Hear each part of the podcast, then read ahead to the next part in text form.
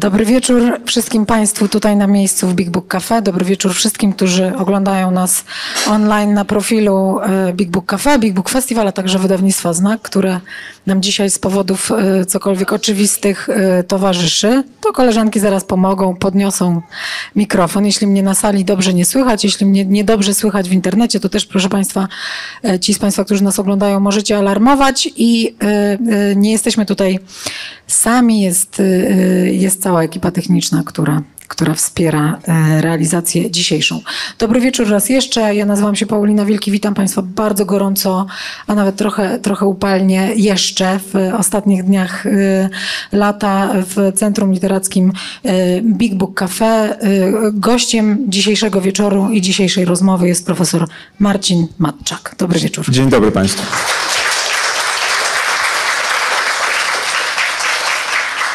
Szanowni Państwo, pan profesor y, nie tylko odebrał mój telefon po chyba pierwszym czy drugim dzwonku, ale też bardzo, y, bardzo życzliwie i bardzo ciepło przyjął zaproszenie do rozmowy w cyklu Książki mojego życia, za co jestem bardzo wdzięczna, ale nie byłam, nie byłam może pana reakcją bardzo zdziwiona, ponieważ y, być może jak część z Państwa słucham krótkich wykładów, opowieści pana profesora, mm, podcastów, które pan profesor realizuje właśnie o swoich lekturach. Uwielbiam je i to był też y, jeden z dwóch głównych powodów, dla których y, dzisiaj się spotykamy.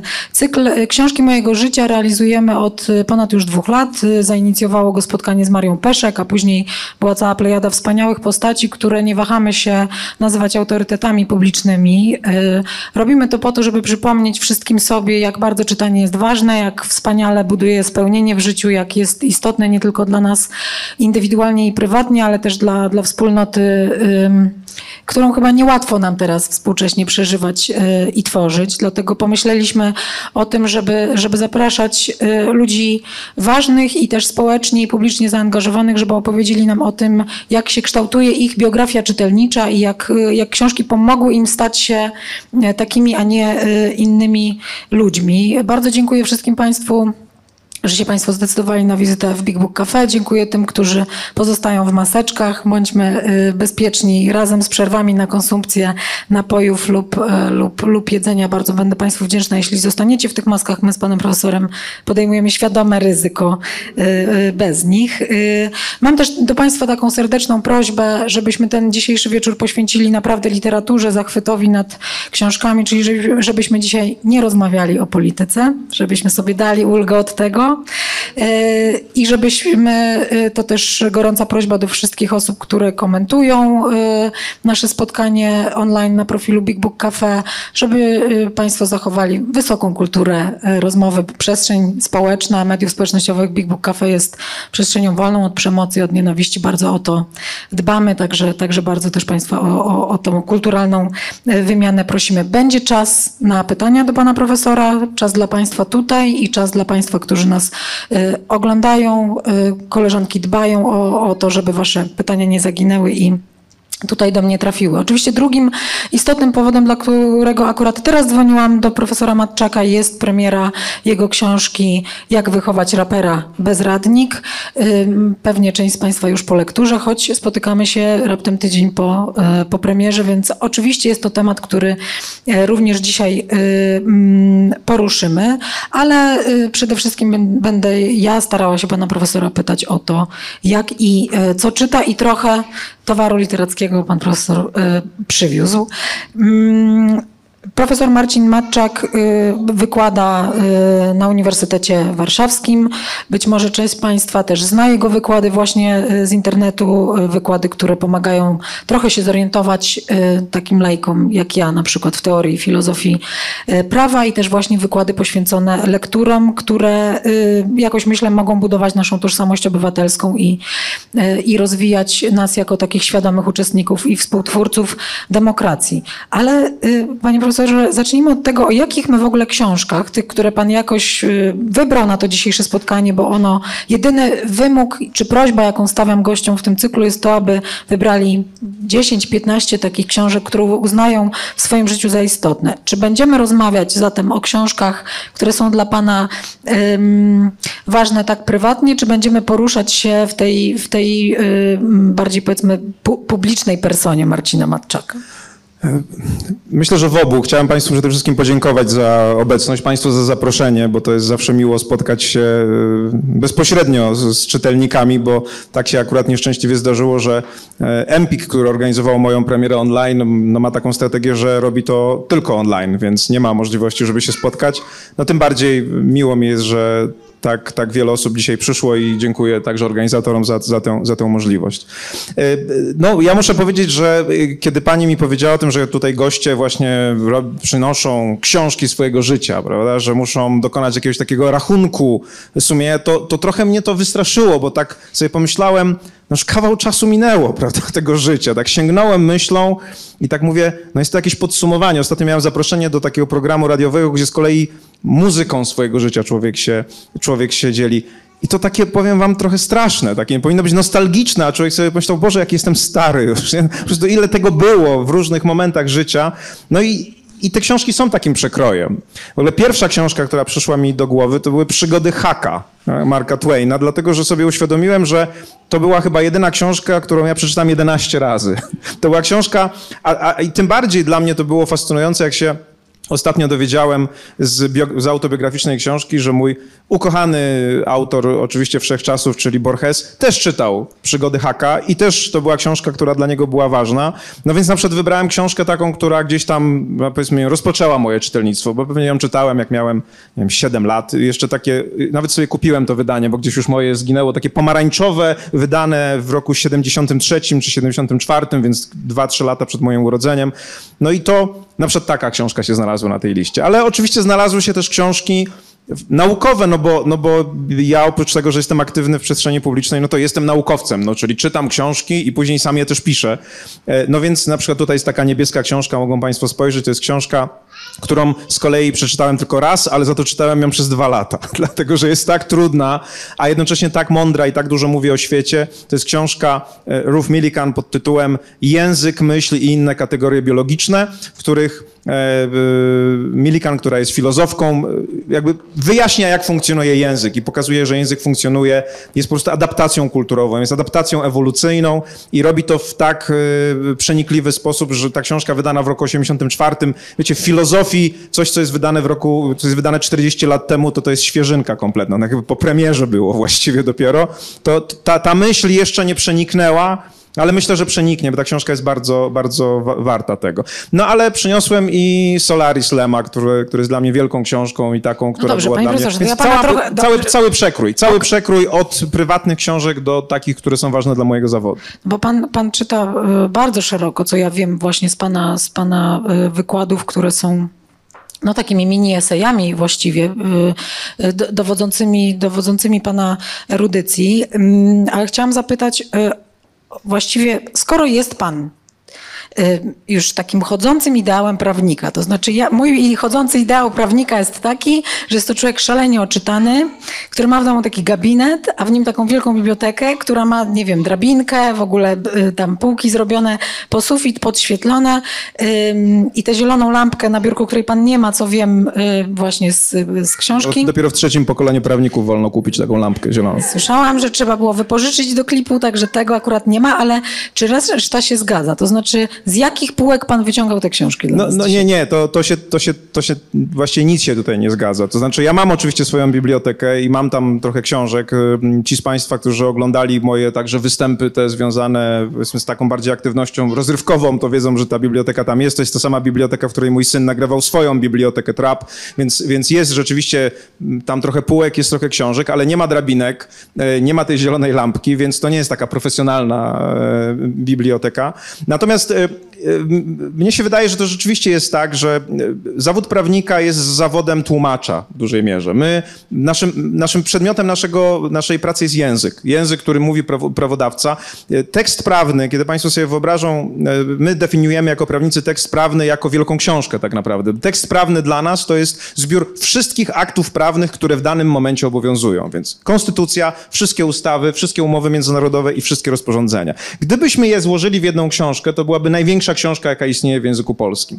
E, więc my czytamy taką wielką księgę, która, jak ja w jednej ze swoich książek e, naukowych napisałem, jest tak naprawdę projektem świata możliwego, projektem pewnego przyszłego świata, w którym każdy jeździ 50 km na godzinę, nikt nie kradnie, nikt nie zabija, a Rzeczpospolita Polska jest demokratycznym państwem prawnym, urzeczywistniającym zasady sprawiedliwości społecznej. Czyli tekst prawny jest wielką książką, którą my czytamy, i to jest dosyć trudna książka, dlatego że język prawni, prawny, czyli język prawodawcy jest, jest trudnym językiem, bo rzeczywistość jest trudna, no i my go tłumaczymy. My go tłumaczymy na przykład, nie wiem, komuś, kto chce zawrzeć umowę, komuś, kto prowadzi przedsiębiorstwo, komuś, kto chce wziąć ślub albo się rozwieść, co język prawny mówi na ten temat, jaką opowieść opowiada. No więc ja na przykład zawsze dziwiłem się, dlaczego, bo jak ja zdawałem na studia prawnicze, to mnie egzaminowano z historii. Zawsze zastanawiałem się, dlaczego nie egzaminuje się z języka polskiego. Ja na przykład uważam, że prawnicy powinni czytać i to najlepiej jak czytają w ogóle jakiś język abstrakcyjny, na przykład poezję. Uważam, że powinni czytać, dlatego że to jest język, który wymaga wrażliwości, umiejętności właśnie przełożenia, na, na wymaga wyobraźni. Może Państwu nie kojarzy się prawnik z kimś, kto, ma, kto, kto powinien być bardzo kreatywny, czy powinien mieć wyobraźnię, ale powinno się tak kojarzyć, dlatego że prawnik na przykład musi wyobrazić sobie skutki praktyczne pewnej wykładni, rozumienia tekstu, bo jeżeli sobie nie wyobraża, no to wtedy może doprowadzić do strasznych konsekwencji. Jeżeli mówi, no ja to tak czytam, a nie obchodzi mnie, jaki będzie efekt w świecie, no to to jest duży problem. Więc tekst prawny jest niesamowitą książ książką, bo jest rzeczywiście wielką księgą. Po drugie jest taką księgą, Borges w jednym ze swoich opowiadań yy, zatytułowanym Tlon yy, Ugbar i ter, Orbus, Orbis Tertius mówi, że kiedyś odnaleziono taką encyklopedię, która opisywała nieistniejący świat, no i z biegiem czasu ludzie zauważyli, że świat rzeczywisty zaczyna się przekształcać w ten świat opisany przez tę encyklopedię. No to jest prawo. Tak? Prawo jest pewnym tekstem, który opisuje świat. No i my, jako prawnicy, sędziowie, prokuratorzy, policjanci, dbamy o to, żeby świat rzeczywisty przekształcał się w ten, który jest opisany w tej księdze. Różnie to wychodzi, prawda? Nieraz się udaje, Nieraz się nie udaje, ale, ale tak to wygląda. Więc y, zawód prawnika, wbrew y, może jakiemuś takiemu wrażeniu, jest bardzo mocno związany z czytaniem, z językiem i z książkami. Bo tak jak mówię, tekst prawny jest po prostu wielką księgą.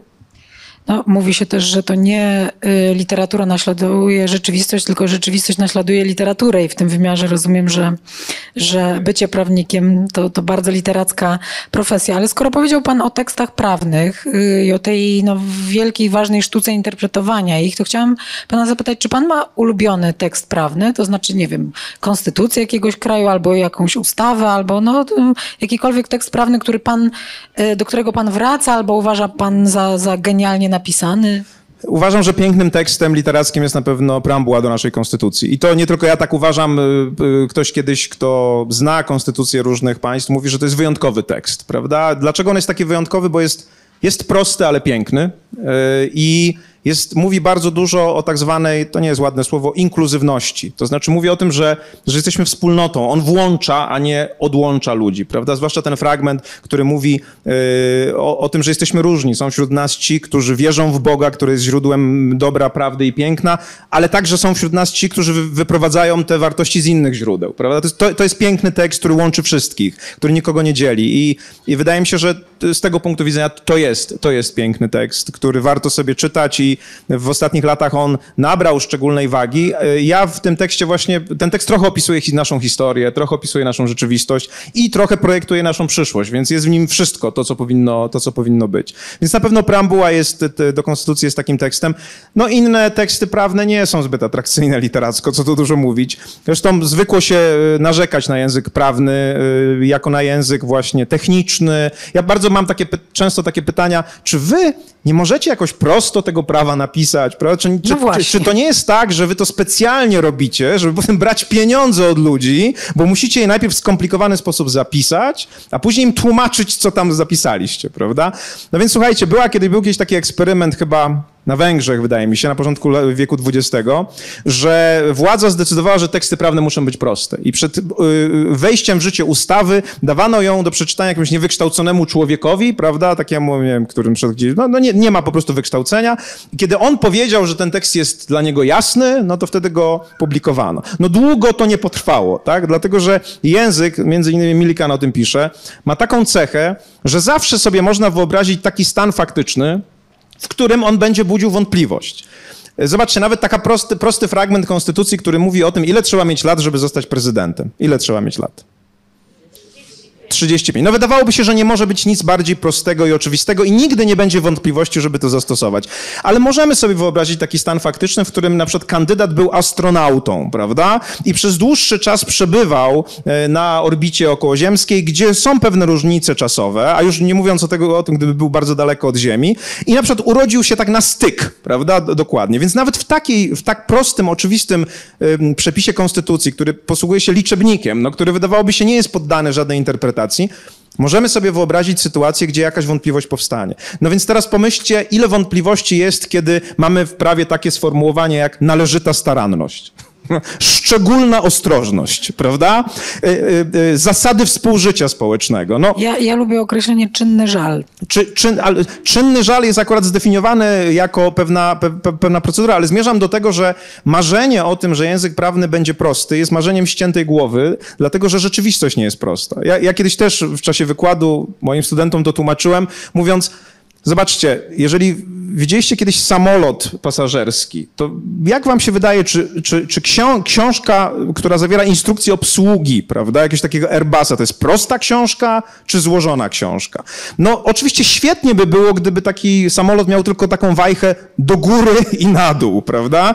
Ale on nie mógłby funkcjonować, bo rzeczywistość, z którą on musi się spotkać, niebezpieczeństwa są tak złożone, że on musi mieć więcej tych przycisków, tak? I w związku z tym ta księga, która byłaby księgą obsługi takiego samolotu byłaby bardziej złożona. To teraz sobie wyobraźcie, jak, jak, jak gruba musi być księga obsługi 40-milionowego narodu, prawda? Która musi regulować wszystko. Od tego, jak został zbudowany ten budynek, jak się drukuje te książki, kto ma prawa do tych książek, e, kto produkuje wodę, która tam jest w butelkach, prawda? I kto reguluje ruch drogowy, budowę elektrowni atomowych i wszystkiego, absolutnie wszystkiego i, i, i tego, jak wyglądają te maseczki, które teraz macie w sensie składu, na przykład na, na, na twarzach.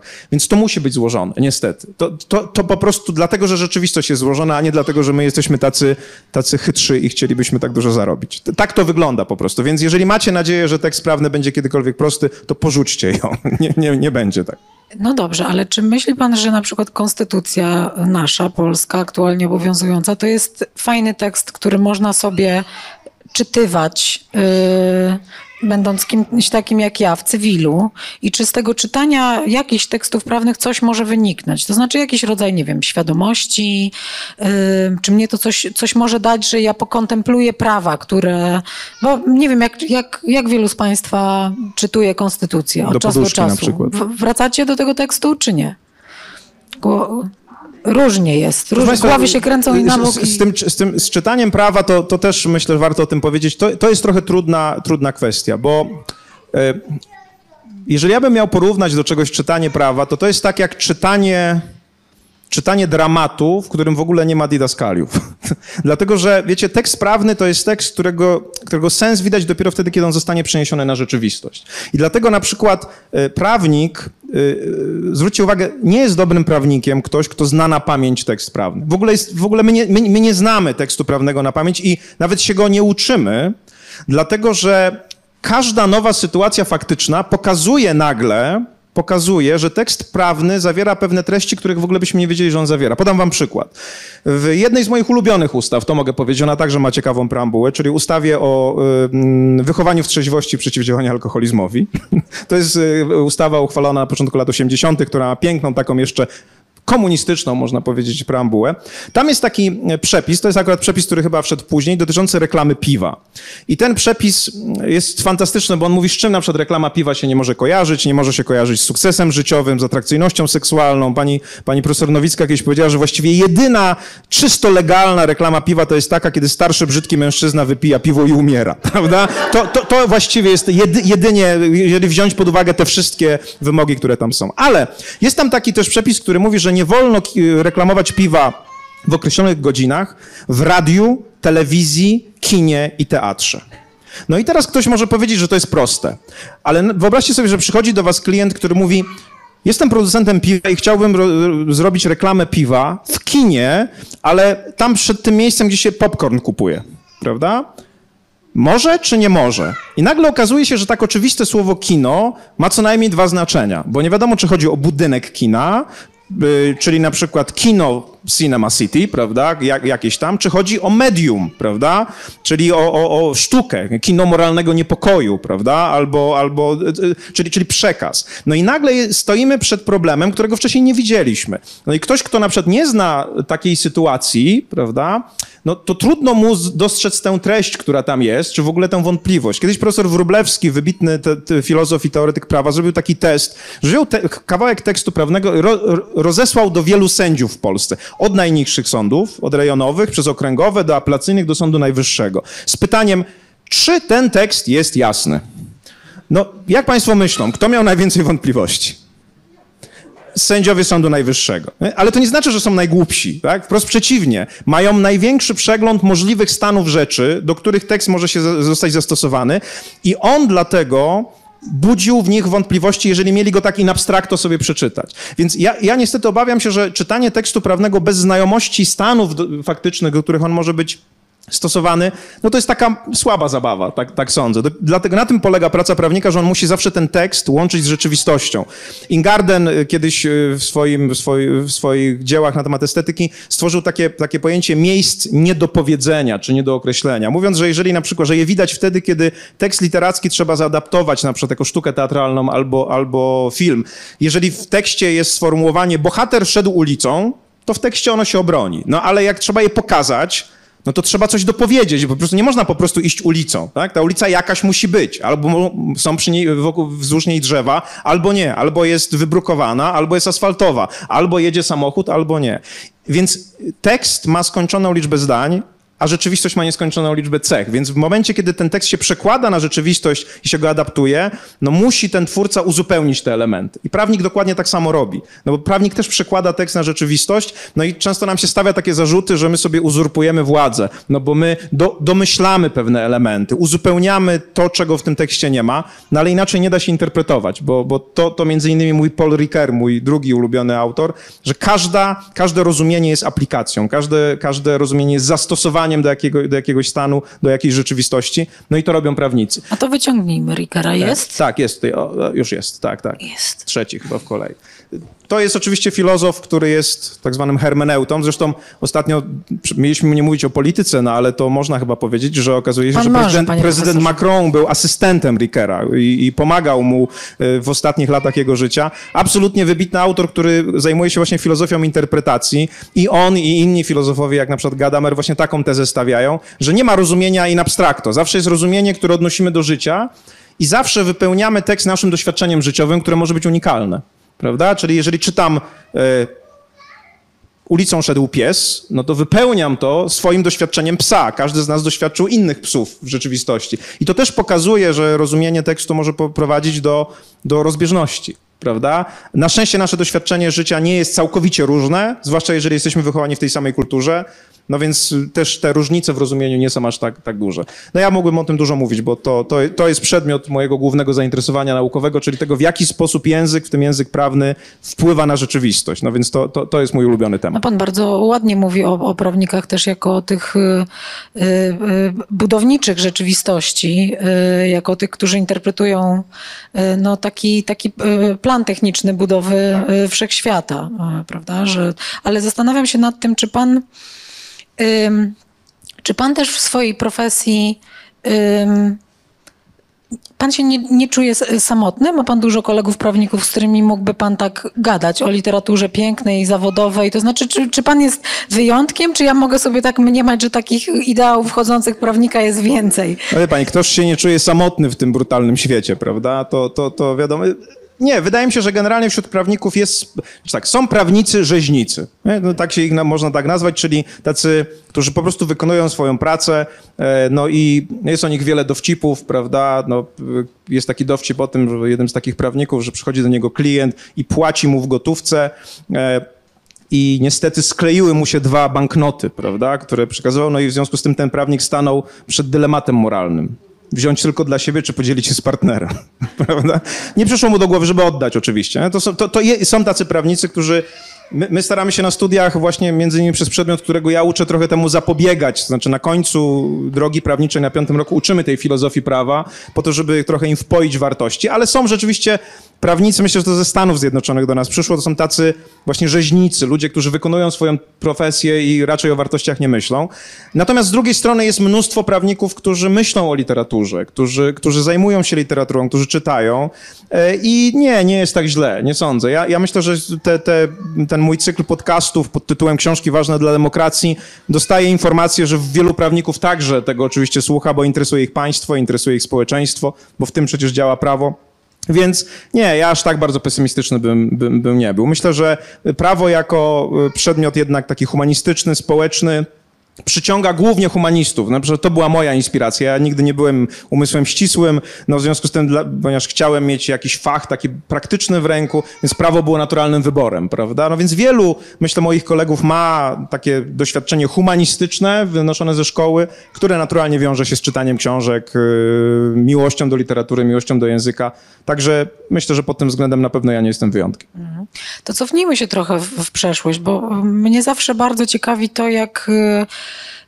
jaka jest droga dostania się y, czytelnikiem takim y, bardzo świadomym, swobodnie poruszającym się w uniwersum literatury, a pan tę ogromną swobodę ma, ale jak się cofniemy, pan się wychowywał w Sławie, czy, czy nie? Tak, tak, tak. No to, no to gdzie pan tam i co czytał? Jedna była biblioteka, więcej? Jakie, jakie pan, e, to, to, jak pan wkraczał do galaktyki pani, to, to, jest ciekawe, to jest ciekawe pytanie, bo ja rzeczywiście, e, oczywiście kiedy ja byłem w szkole podstawowej, to to był jeszcze PRL, prawda? To był, to był, ja miałem 13 lat, kiedy, kiedy PRL upadł, więc moje doświadczenie tego czasu to, to jest doświadczenie e, księgarni, e, i bibliotek, jeżeli chodzi o książki oczywiście, takich miejsc, które zawsze były dla mnie bardzo bardzo ciepłe, bardzo, bardzo miłe, właśnie przepełnione nie, zapachem książek. No i jeszcze kiosk, w którym kupowałem gazety, które też pięknie pachniały farbą drukarską. Wydaje mi się, że takie wspomnienia zapachowe to jest w ogóle niesamowita sprawa dotycząca, dotycząca książek.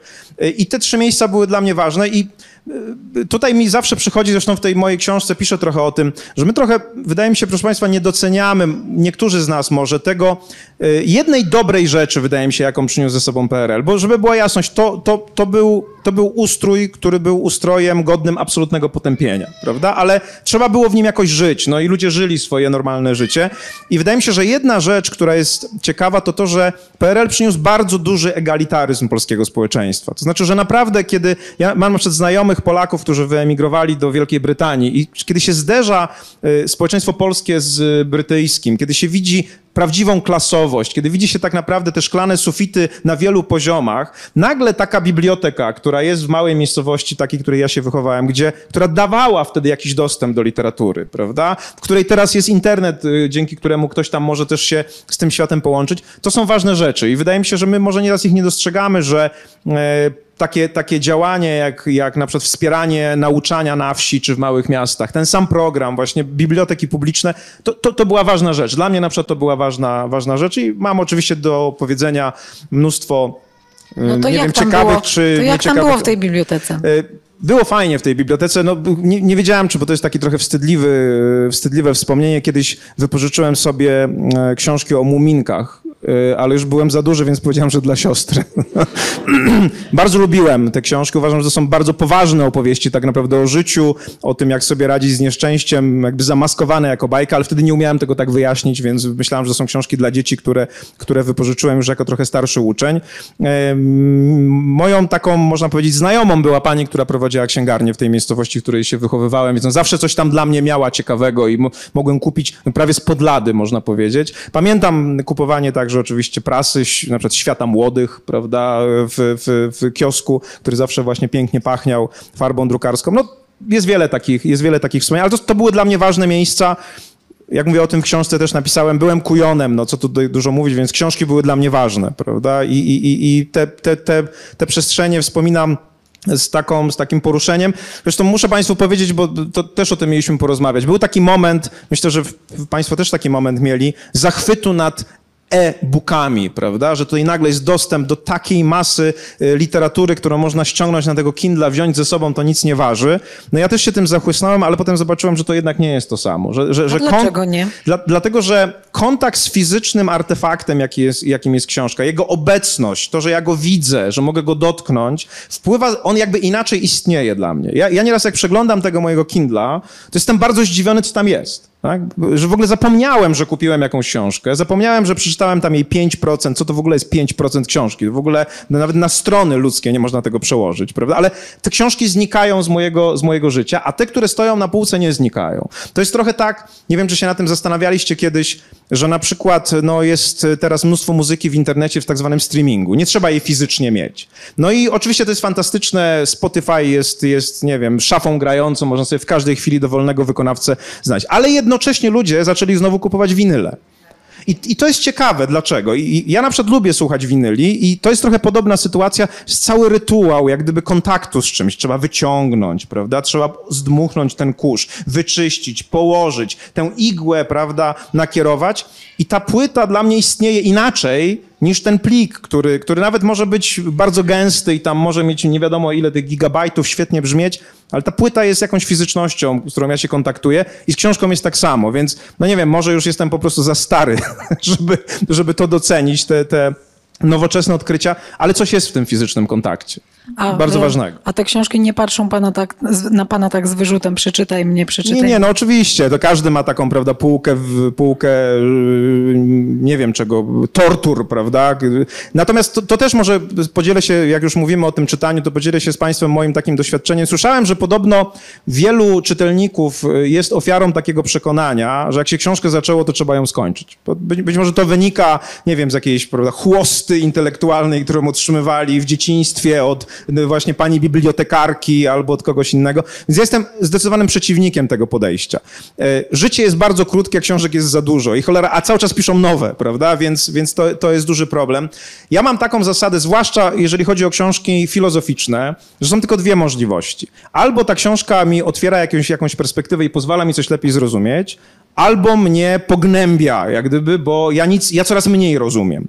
Zresztą tak samo jest z ludźmi, z którymi się spotykamy. Niektórzy, prawda, podnoszą nas na duchu, niektórzy nas dobijają kompletnie, niektórzy otwierają perspektywy, inni zamykają. I teraz myślałem trochę nad tym i doszedłem do wniosku, że to jest tak, że, są, że jeżeli ta książka nie otwiera mi nowych perspektyw i ja się czuję głupszy, a nie mądrzejszy, to albo to jest zła książka, albo ja nie jestem na nią gotowy. Tak? W, w, obu tych przypadkach nie ma sensu jej czytać, bo jak jest zła, to w ogóle jej nie trzeba czytać, a jak jest dobra, no to trzeba poczekać. No są takie książki. No, Krytyka czystego rozumu Kanta jest jedną z najmądrzejszych książek napisanych kiedykolwiek przez człowieka, jednocześnie najtrudniejszą. Tak? Rozpoczęcie czytania właściwie bez przygotowania jest niemożliwe, jest, jest, jest niewiele, niewiele nam da. No więc może się zdarzyć tak, że, że, że, że ktoś się od tej książki odbije. Yy, więc ja mam takich autorów, którym ufam, Kant jest takim autorem, Millikan jest taką autorką, to znaczy ja wiem, że oni mają coś ważnego do powiedzenia, a to jest tak, mówią o tak złożonych rzeczach, że język musi być złożony i tam sobie daje trochę więcej czasu. Ale są też autorzy, dla, do których nie mam takiego zaufania i jak, jak widzę, że to mi nie pomaga, no to tę książkę zamykam i nie mam wyrzutów. Szukam innej i myślę, że z biegiem czasu ja chyba też coraz węziej czytam. To znaczy nie, nie mniej, ale węziej. To znaczy, ponieważ ja na przykład bardzo Y, lubię czytać Borgesa, no to uznałem, że chyba lepiej jest przeczytać wszystko, co napisał Borges, niż, niż tylko 10% z każdego innego autora, na przykład latynoamerykańskiego. Nie wiem, ta, ta, tak mi się wydaje. Nieraz chce mi się po prostu głębiej wejść w ten świat, żeby go zrozumieć, a nie płyciej, ale w wielu innych miejscach. Nie wiem, czy to dobre, no ale no, tak mi ostatnio przyszło do głowy. Ale to też pan mówił o tym y, w wykładach, mówiąc o no, nad, nadmiarze możliwości, nadprodukcji właściwie wszystkiego we współczesnym świecie i o, o takiej bardzo y, trudnej sztuce wyboru. No, y, no, y, związa związanej nieuchronnie z życiem w wolności, y, że jednak wy wybierać coś musimy. A Borgesa pan wybrał coś no dzisiaj, tak, czy tak, nie? Tutaj... Bo wiemy, że to jest autor ja dla pana ważny. Ja chcę państwa wszystkich uspokoić, że że... Yy, A szczęście książce nic po, nie stało. Książce się nic nie stało, ale będę wdzięczna za ręcznik dla pana profesora i tu przepraszam i za wodę. Nie ma problemu. Jeżeli ale chodzi, chcę książki ja... bezpieczne. Chcę tak, tylko przy... państwa uspokoić, że lista książek, o których pan profesor mówi, pojawi się po, po dzisiejszym spotkaniu, więc nie trzeba notować. Proszę Państwa, jeżeli chodzi o tego Borgesa, to rzeczywiście no, to jest mój taki ukochany autor, którego y, ja y, właśnie czytam wszystko. Przyniosłem akurat twórcę, natomiast no, wydaje mi się, że absolutnie, dziękuję, absolutnie wybitnym dziełem są przede wszystkim fikcje i, i, i, i no nie wiem, właściwie każde dzieło Borgesa jest dziełem wybitnym. To jeszcze ci, wody poprosimy. Ci, ci, ci, z Państwa, którzy go znają, no wiedzą, że to jest po prostu jakiś tam, prawda, nie wiem, prekursor magicznego realizmu i tak dalej, ale dopóki się nie czyta tych książek, dopóki się tych opowiadań i nie widzi się tej no, przygniatającej absolutnie wyobraźni, prawda? Tej umiejętności takiego zadziwienia i językiem, i obrazem, to, to, to jest rzecz absolutnie nieprawdopodobna. Więc ja e, mogę polecić absolutnie wszystko. To znaczy, wszystkie opowiadania są fantastyczne. E, z, na czele oczywiście z biblioteką Babel, czyli, czyli opowieścią o bibliotece, która zawiera wszystkie możliwe książki napisane, ze, złożone ze wszystkich możliwych kombinacji liter, jakie są e, dopuszczalne we wszechświecie. Jest to obraz z jednej strony jakiś taki science fiction, jakiegoś takiego świata, który nie istnieje, ale na przykład Daniel Dennett go wykorzystał, żeby wytłumaczyć, jak działa e, ewolucja, prawda? Jak działa entropia i jak, jaki to cud się zdarzył, że mimo, że świat jest chaosem, to gdzieś jest jakiś porządek, który nazywamy życiem, prawda? I że gdzieś coś ma sens. W bibliotece Borgesa są książki, które są złożone wyłącznie z literek Y na przykład, prawda? Które są zupełnym e, bełkotem oczywiście, no bo są przypadkowym złożeniem liter, ale jest też tam biografia każdego z nas. Tak? No bo jeżeli są wszystkie możliwe kombinacje liter, no to musi być też to, to zdanie, ten opis jeden, który, który dokładnie opisuje nasze życie. No, mózg pęka, kiedy o tym się pomyśli, no ale po to się czyta, prawda, ta, taką literaturę, więc no Borges to jest, to jest potężny autor, to nie ma, nie ma co w ogóle mówić. E, a jak, jak pan e, na niego trafił? To znaczy, czy, czy pan zawsze samodzielnie ściągał te półki, te książki z półek, czy byli przewodnicy, był ktoś, kto podpowiadał? Nie, oczywiście to, to są różne sytuacje. Na przykład jeżeli chodzi o, o Milikan, no to ja nie znałem jej pracy, ale mój kolega, przyjaciel, profesor Witek, który jest jednym z najwybitniejszych polskich filozofów obecnie w Szczecinie, był kiedyś w Warszawie z wykładem, no i mówił o tej książce, prawda? Właśnie przeczytałem książkę Deneta, która też jest na liście, y, książkę zatytułowaną Niebezpieczna idea Darwina, która moim zdaniem w najlepszy sposób wyjaśnia, dlaczego teoria ewolucji jest, jak mówi Dennett, najlepszą myślą, jaka kiedykolwiek człowiekowi przyszła do głowy, bo tak rzeczywiście jest. I na przykład Dennett używa przykładu biblioteki Babel Borgesa, żeby wytłumaczyć właśnie, jak szukać sensu w świecie, który jest bezsensem, prawda? No, no więc dzięki temu przeczytałem bibliotekę Babel już wiele lat temu, no a później ona mnie tak zachwyciła, że, że, że zacząłem czytać wszystko i biografię Borgesa, Słuchajcie, to był naprawdę nieprawdopodobny człowiek. No, pewnie wiecie o tym, że to był wybitny czytelnik, który stracił wzrok, prawda? W związku z tym był takim, w pewnym momencie był takim modelem mędrca, no bo, no bo już nie widział, prawda? A w związku z tym był obwożony po świecie, no i, i opowiadał o, o, literaturze, już nie mogąc jej zobaczyć, prawda? Albo pisał, no, mo mogąc tylko dyktować. Dla mnie najbardziej poruszające wydarzenie w, w życiu Borgesa jest takie, że ponieważ był Argentyńczykiem, kiedy już wiedział, że jest chory i umrze, to ukarał swój kraj, ponieważ był już sławny na cały świat, swój kraj, który wtedy popadał w jakiś autorytaryzm i wyjechał do Genewy, żeby tam specjalnie im na złość umrzeć, prawda? I tam został pochowany. To było wszystko zaplanowane, prawda? To są, to są nieprawdopodobne, nieprawdopodobne historie, które i jakby i w jego życiu, i w jego, w jego opowiadaniach się y, przeplatają. Także jeżeli nie mają Państwo akurat nic lepszego do roboty, a jeszcze nie czytali Borgesa, to, to, to, znaczy to jest wielka przygoda i na pewno trzeba zacząć od biblioteki Babel, a zaraz później sobie przeczytać przed Alefa, które jest, który jest nieprawdopodobną historią znowu. Już nie będę mówił o czym. To naprawdę jest wielka przygoda, bardzo Państwu serdecznie po, polecam. Temu autorowi można zaufać. I czy myśli pan, że y, zawsze jest dobry moment na Borgesa, czy, y, czy jest tak, że można być na niego niegotowym? Czy to jest nie, rodzaj autora, nie, który nie, wydaje, wydaje mi się, że to jest autor, na którego jesteśmy gotowi, bo to jest, y, to jest przykład tego autora, który umie znaleźć słowa piękne i proste jednocześnie. To jest, bardzo, to jest bardzo trudne. A poza tym spektrum tych opowiadań jest takie, bo to są krótkie formy, on właściwie nigdy nie napisał niczego wielkiego, więc to, to, to jest tak, że przeskakujemy sobie ze świata do świata, prawda? Ponieważ on był na przykład zafascynowany też nożownikami, prawda? No więc tam są wręcz opowiadania takie trochę o charakterze kryminalnym, prawda? No, to, to każdy jest gotowy na kryminał. Nie ma ludzi niegotowych na kryminał, prawda? Czyli to jest kryminał artystyczny, no to, to, nie jest, to nie jest typowy kryminał, ale na pewno każdy z Państwa znajdzie coś dla siebie. No na przykład od tego twórcy można by było rozpocząć. Tam jest kilka y, pięknych opowiadań, czy właśnie od ogrodu o rozwijających się ścieżkach. No nie, moim zdaniem wszyscy są gotowi na Borgesa, tylko nie wszyscy wiedzą, że taki fantastyczny autor istnieje. A pan y, czytał go też w oryginale? E, próbowałem, tak, ale to ja, ja nie, nie, znam hiszpańskiego, więc próbowałem sobie go czytać, tak żeby zobaczyć, jak to brzmi, trochę z tłumaczeniem. To też jest ciekawa przygoda, ale tak jestem już na takim poziomie fana, że zaczynam, zaczynam kupować poezję Borgesa po hiszpańsku. Rafał Trzaskowski, który też był gościem kiedyś tego cyklu, zapytany o to, co trzeba czytać, żeby dobrze rządzić ludźmi, yy, odpowiedział, że właściwie trzeba czytać wielkie powieści, Tołstoja, Mana i, i tak dalej. Ja chciałam pana zapytać może na, na przykładzie tego Borgesa, jak on panu pomaga być lepszym prawnikiem? No on na pewno, on pomaga, dlatego że to jest mistrz języka, który, który pokazuje jakieś takie, wiecie, jakieś takie pokłady języka, których człowiek w ogóle by sobie nie, nie, nie, o, nich nie pomyślał. Poza tym, y, no ta wyobraźnia jego jest niesamowicie y, intrygująca. Natomiast ja akurat nie traktuję jego jako autora, który pomaga mi być lepszym prawnikiem. Też nie wiem, czy tutaj bym się z panem prezydentem Trzaskowskim zgodził, że akurat wielkie powieści pomagają lepiej rządzić, bo y, na przykład, no nie wiem, w tym moim cyklu podcastów ja o żadnej powieści chyba nie mówiłem. Wydaje mi się, że, że powieść jest, jest opowieścią o jakiejś, jakiejś rzeczywistości.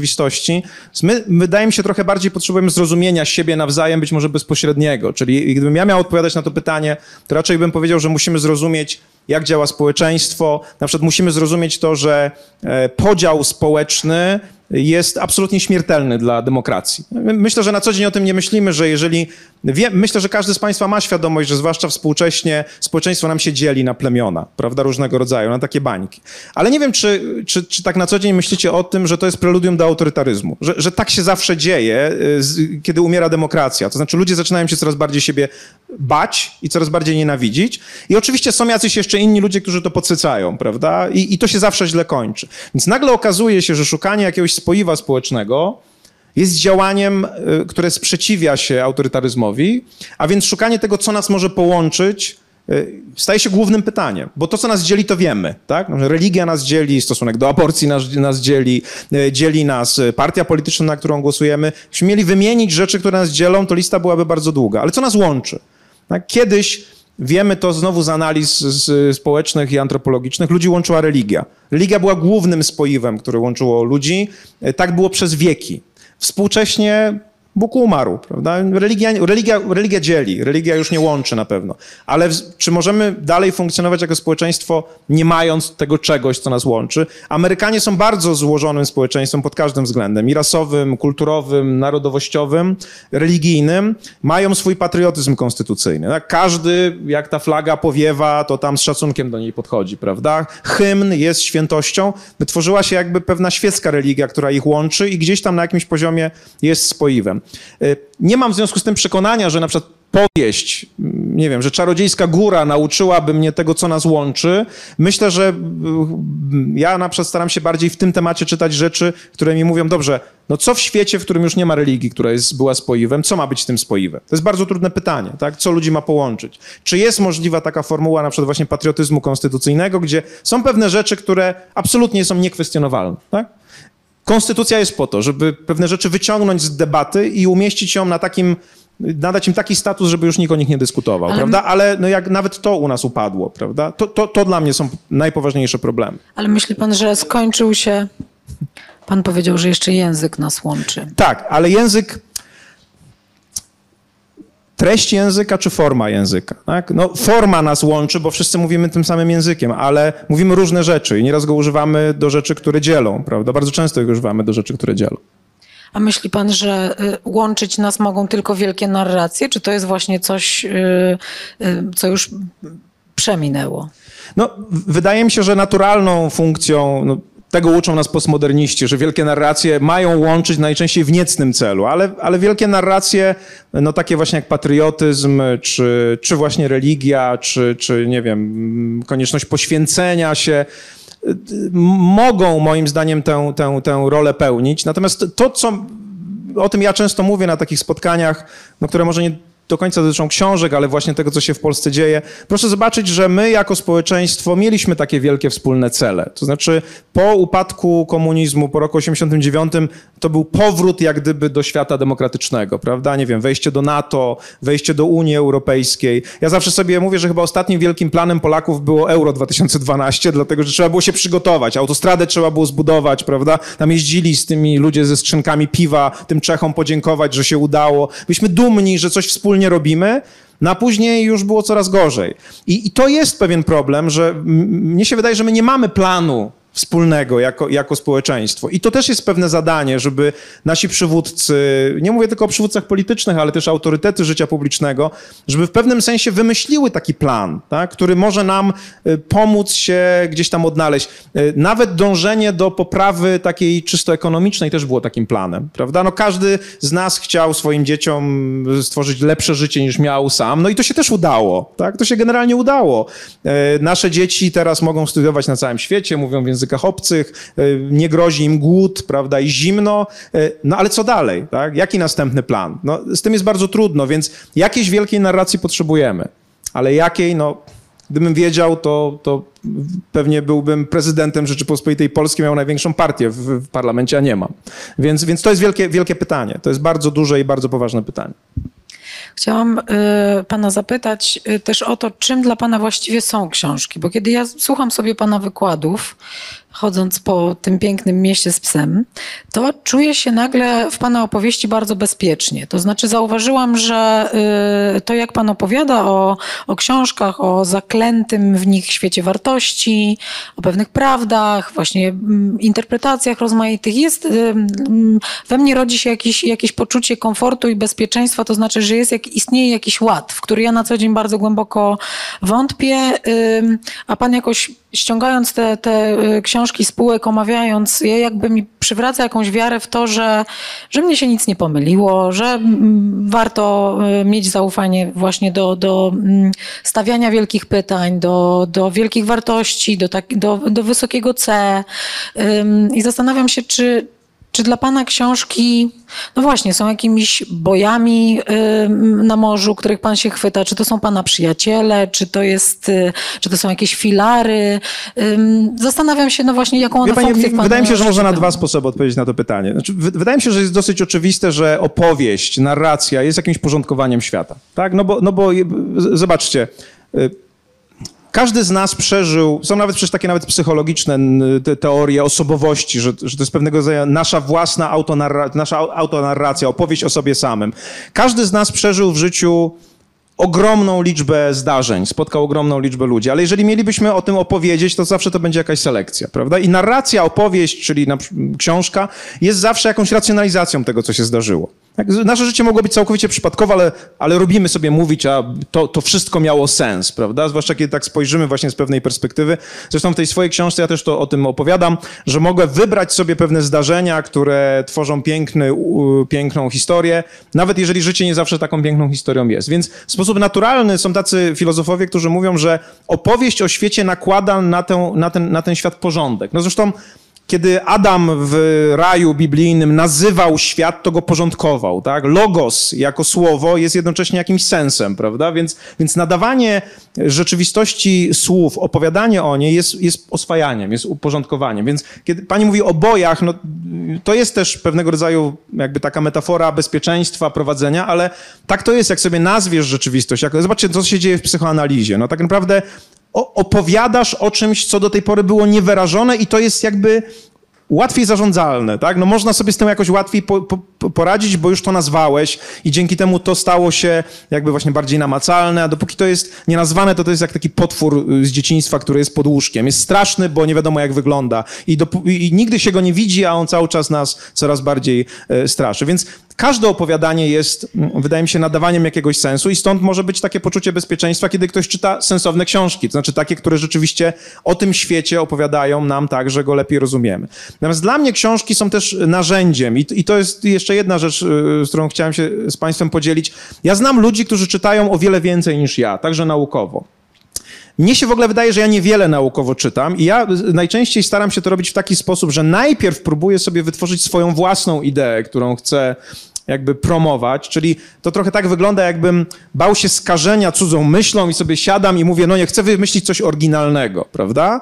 I, I to traktuję jako swoją hipotezę, a potem czytam po to, żeby się odbić. To znaczy już wychodzę z pewnym założeniem do czytania. Ja znam wielu ludzi, którzy uważają, że żeby cokolwiek napisać, trzeba najpierw wszystko przeczytać. I ci ludzie najczęściej nic nie piszą, bo się nie da wszystkiego przeczytać, prawda? To jest zbyt złożone.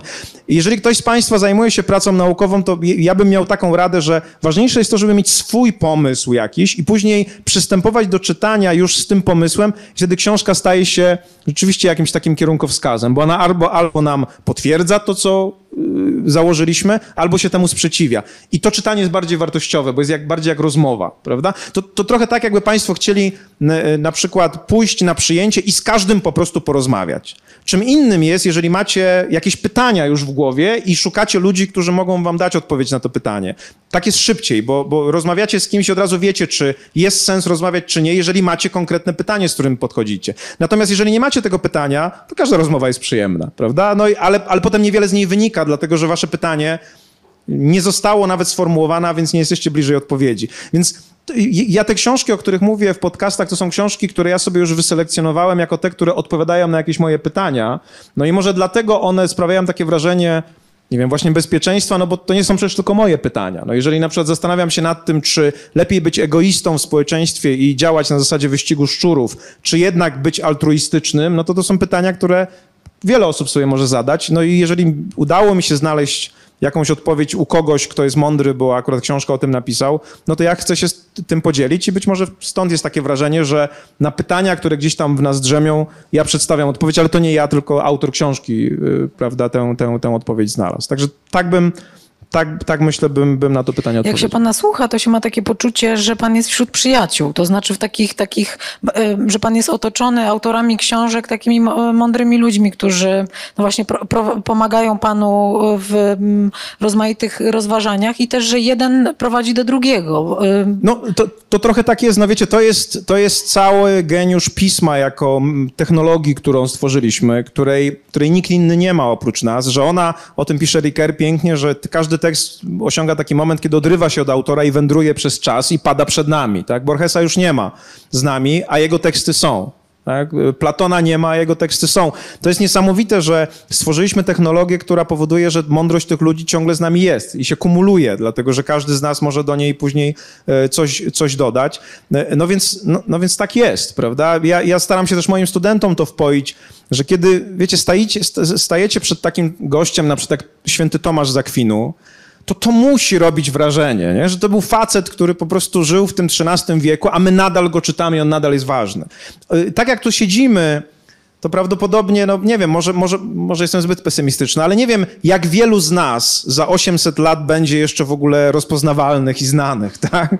A on jest, a on jest z jakiegoś powodu. I, i, i no, dobrze mieć takiego przyjaciela, tak mi się wydaje. Prawda? Dobrze mieć jest kogoś takiego, kto był tak mądry, i, I my, jako społeczeństwo, dzięki technologii pisma, zachowaliśmy tę jego mądrość i możemy się z nią teraz konfrontować, możemy z nim właściwie rozmawiać, prawda, jeżeli tylko stawiamy właściwe pytania. No i to jest niesamowite. Na, dzięki temu uzyskaliśmy taki sukces ewolucyjny, właśnie dlatego, że takie fantastyczne technologie jak pismo mamy. A chciałam zapytać pana, yy, dlaczego pan Pinokia czytał w dorosłości? No bo jeden autor prowadzi mnie do drugiego autora.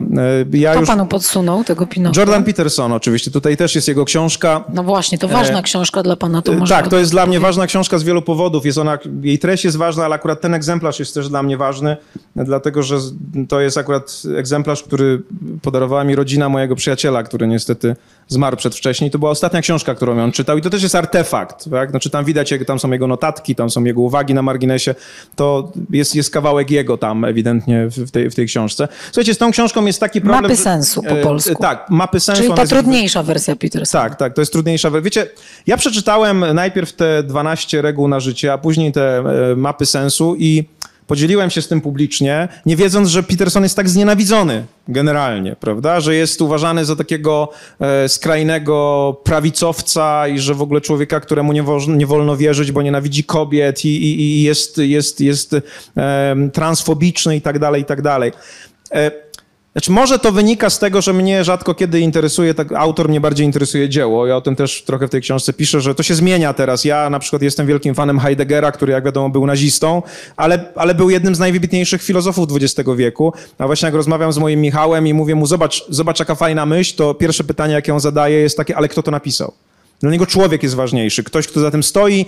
Słowo może mylić, ale człowiek daje gwarancję, czyli etos, a nie logos znowu, prawda? Człowiek daje gwarancję, że to, to jest ciekawe, a nie sama myśl. Więc może u mnie było tak samo. Nie uważam, że Peterson jest winny tym wszystkim winom, które mu się przy, przy, przypisuje. Natomiast je, jedna niezwykle wartościowa rzecz, którą on daje, to jest to, że to jest człowiek, który przywraca wagę starym opowieściom, czyli właśnie mitom, historiom, baśniom, pokazując, że one mają zupełnie nietrywialny sens. Prawda? No, my, my to wiemy, bo, bo to już From o tym pisał, że na przykład mit o wygnaniu z raju i o, o tym, że Adam i Ewa zjedli, jak to się raz mówi, jabłko, chociaż był to owoc, prawda, z drzewa poznania dobrego i złego, jest tak naprawdę obrazem, y, jakimś, jakimś takim bardzo wysublimowanym obrazem rodzącej się ludzkiej samoświadomości, przechodzenia od świata zwierzęcego przez rozwój mózgu do momentu, kiedy już nie instynkty nami kierują i zaczyna się, pojawia się moralność, bo lew, który zabija antylopę nie jest niemoralny, to jest instynkt. Natomiast człowiek, który uzyskuje samoświadomość i może zadawać cierpienie, to już się staje coś, co, co, co staje się już y, rozważaniem moralnym. Więc nagle okazuje się, że ten mit, z którego może nawet część ludzi się śmieje, jest jakimś podświadomym oddaniem tej, tej drogi ewolucyjnej człowieka od instynktu do samoświadomości. Że śpiąca królewna jest obrazem nadopiekuńczości rodziców, prawda? Dlatego, że rodzice śpiącej królewny zapraszają do jej życia wyłącznie dobre wróżki, e, a przecież życie jest złożone także ze złych wróżek. No i zapadnięcie jej w sen jest obrazem nieprawdziwego życia, takiego właśnie w świecie, który jest oszukany, e, a to wrzeciono, którym ona tam się gdzieś, prawda, rani, jest symbolem zła, które jednak swoją drogę odnajdzie. Albo właśnie Pinokio, który nam się kojarzy z rosnącym nosem, kiedy, kiedy, ktoś kłamie, może być interpretowany jako historia marionetki, która starała się prawdziwym chłopcem. Czyli marionetki kogoś, dziecka, które, jest, które nie jest samodzielne, dlatego że ktoś pociąga za sznurki, ktoś wyznacza mu przyszłość, a jego celem jest dorośnięcie, uzyskanie dojrzałości, e, i zerwanie tych sznurków. Przecież w ostatniej scenie Pinokia, kiedy on ratuje Geppetta z brzucha wieloryba, Pinokio umiera jako marionetka i rodzi się jako, jako prawdziwy chłopiec. Czyli jego wysiłek taki bohaterski, polegający na tym, że ojca wyciągnął z niebezpieczeństwa, więc ojciec symbolicznie umarł, dlatego że nie mógł sobie radzić z rzeczywistością. I Pinokio dorósł, ażeby, ażeby rozwiązać problem, którego jego ojciec rozwiązać nie mógł, jest symbolem zmiany pokoleniowej, prawda? Tego, że starsi już są nieraz zbyt starzy, żeby sobie radzić z rzeczywistością, potrzebują młodej energii, żeby, żeby problemy rozwiązywać. No wiecie, Trzeba być naprawdę mądrym człowiekiem, żeby dostrzec te wszystkie, te, te, te, te drugie dno, żeby te, te stare opowieści Peterson mówi o nich z takim dużym szacunkiem, mówiąc, że ludzie, którzy to napisali, musieli być geniuszami absolutnie, prawda? Że, nie wiem, historia Kaina i Abla, która, która jest bardzo krótka, y, jest jedną z najważniejszych historii, które pokazują, bo prawdopodobnie najczęściej jest tak w mitologiach i w historiach, że jak jest dwóch braci, to to jest tak naprawdę jeden człowiek. To jest rozszczepienie jakby pewnych cech na, na, na, na, na dwie osoby, ale to oznacza, że w każdym z nas tak naprawdę walczy ten Kain i Abel, tak? Ten, to zło i to dobro, prawda? Ten, który jest zdolny do poświęcenia, żeby zapewnić sobie lepszą przyszłość i ten, który zazdrości tego. I, I, pytanie jest, który wygrywa. No i jest to bardzo, bardzo smutne, że w tej jednej z podstawowych dla naszej kultury historii wygrywa Kain. Tak? Zło wygrywa, tak? To jest wielkie ostrzeżenie. No więc, tak jak mówię, przepraszam, tak się trochę rozgadałem o tym, ale chciałem pokazać tę atrakcyjność tych historii, prawda? Pokazać, że my często mówimy, to, to jest fikcja. Peterson mówi, no oczywiście, że to jest fikcja, tak? Sztuki Szekspira też są fikcyjne, ale jeżeli szukacie prawdy, to nagrajcie sobie swoje życie, 24 godziny swojego życia na kamerę i pokażcie to komuś.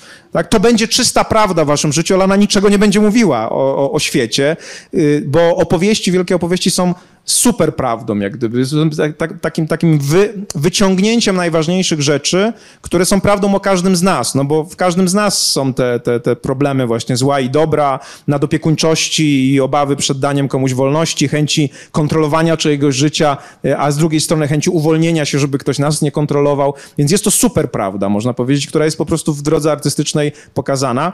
No i to jest bardzo wartościowe, sądzę, więc te, te, te opowieści, można powiedzieć, są mapami sensu w pewnym sensie. One, kiedy będzie będziemy nad nimi się zastanawiać, rozważać je, kiedy nadamy im nowy sens, no to one będą mapami, które pozwolą odnaleźć tymi bojami, o których pani mówiła, pozwolą nam odnaleźć jakąś drogę. I to jest moim zdaniem absolutnie unikalne. Ja nie znam, oczywiście było kilku jeszcze innych takich autorów, którzy to potrafili robić, czy Mircea Eliade na przykład, czy, czy Oizinga, czy, czy, czy kto tam jeszcze, yy, Frazier i, i, inni autorzy, ale, ale Peterson jest bardzo współczesnym autorem, który o tym opowiada także w formie wykładów.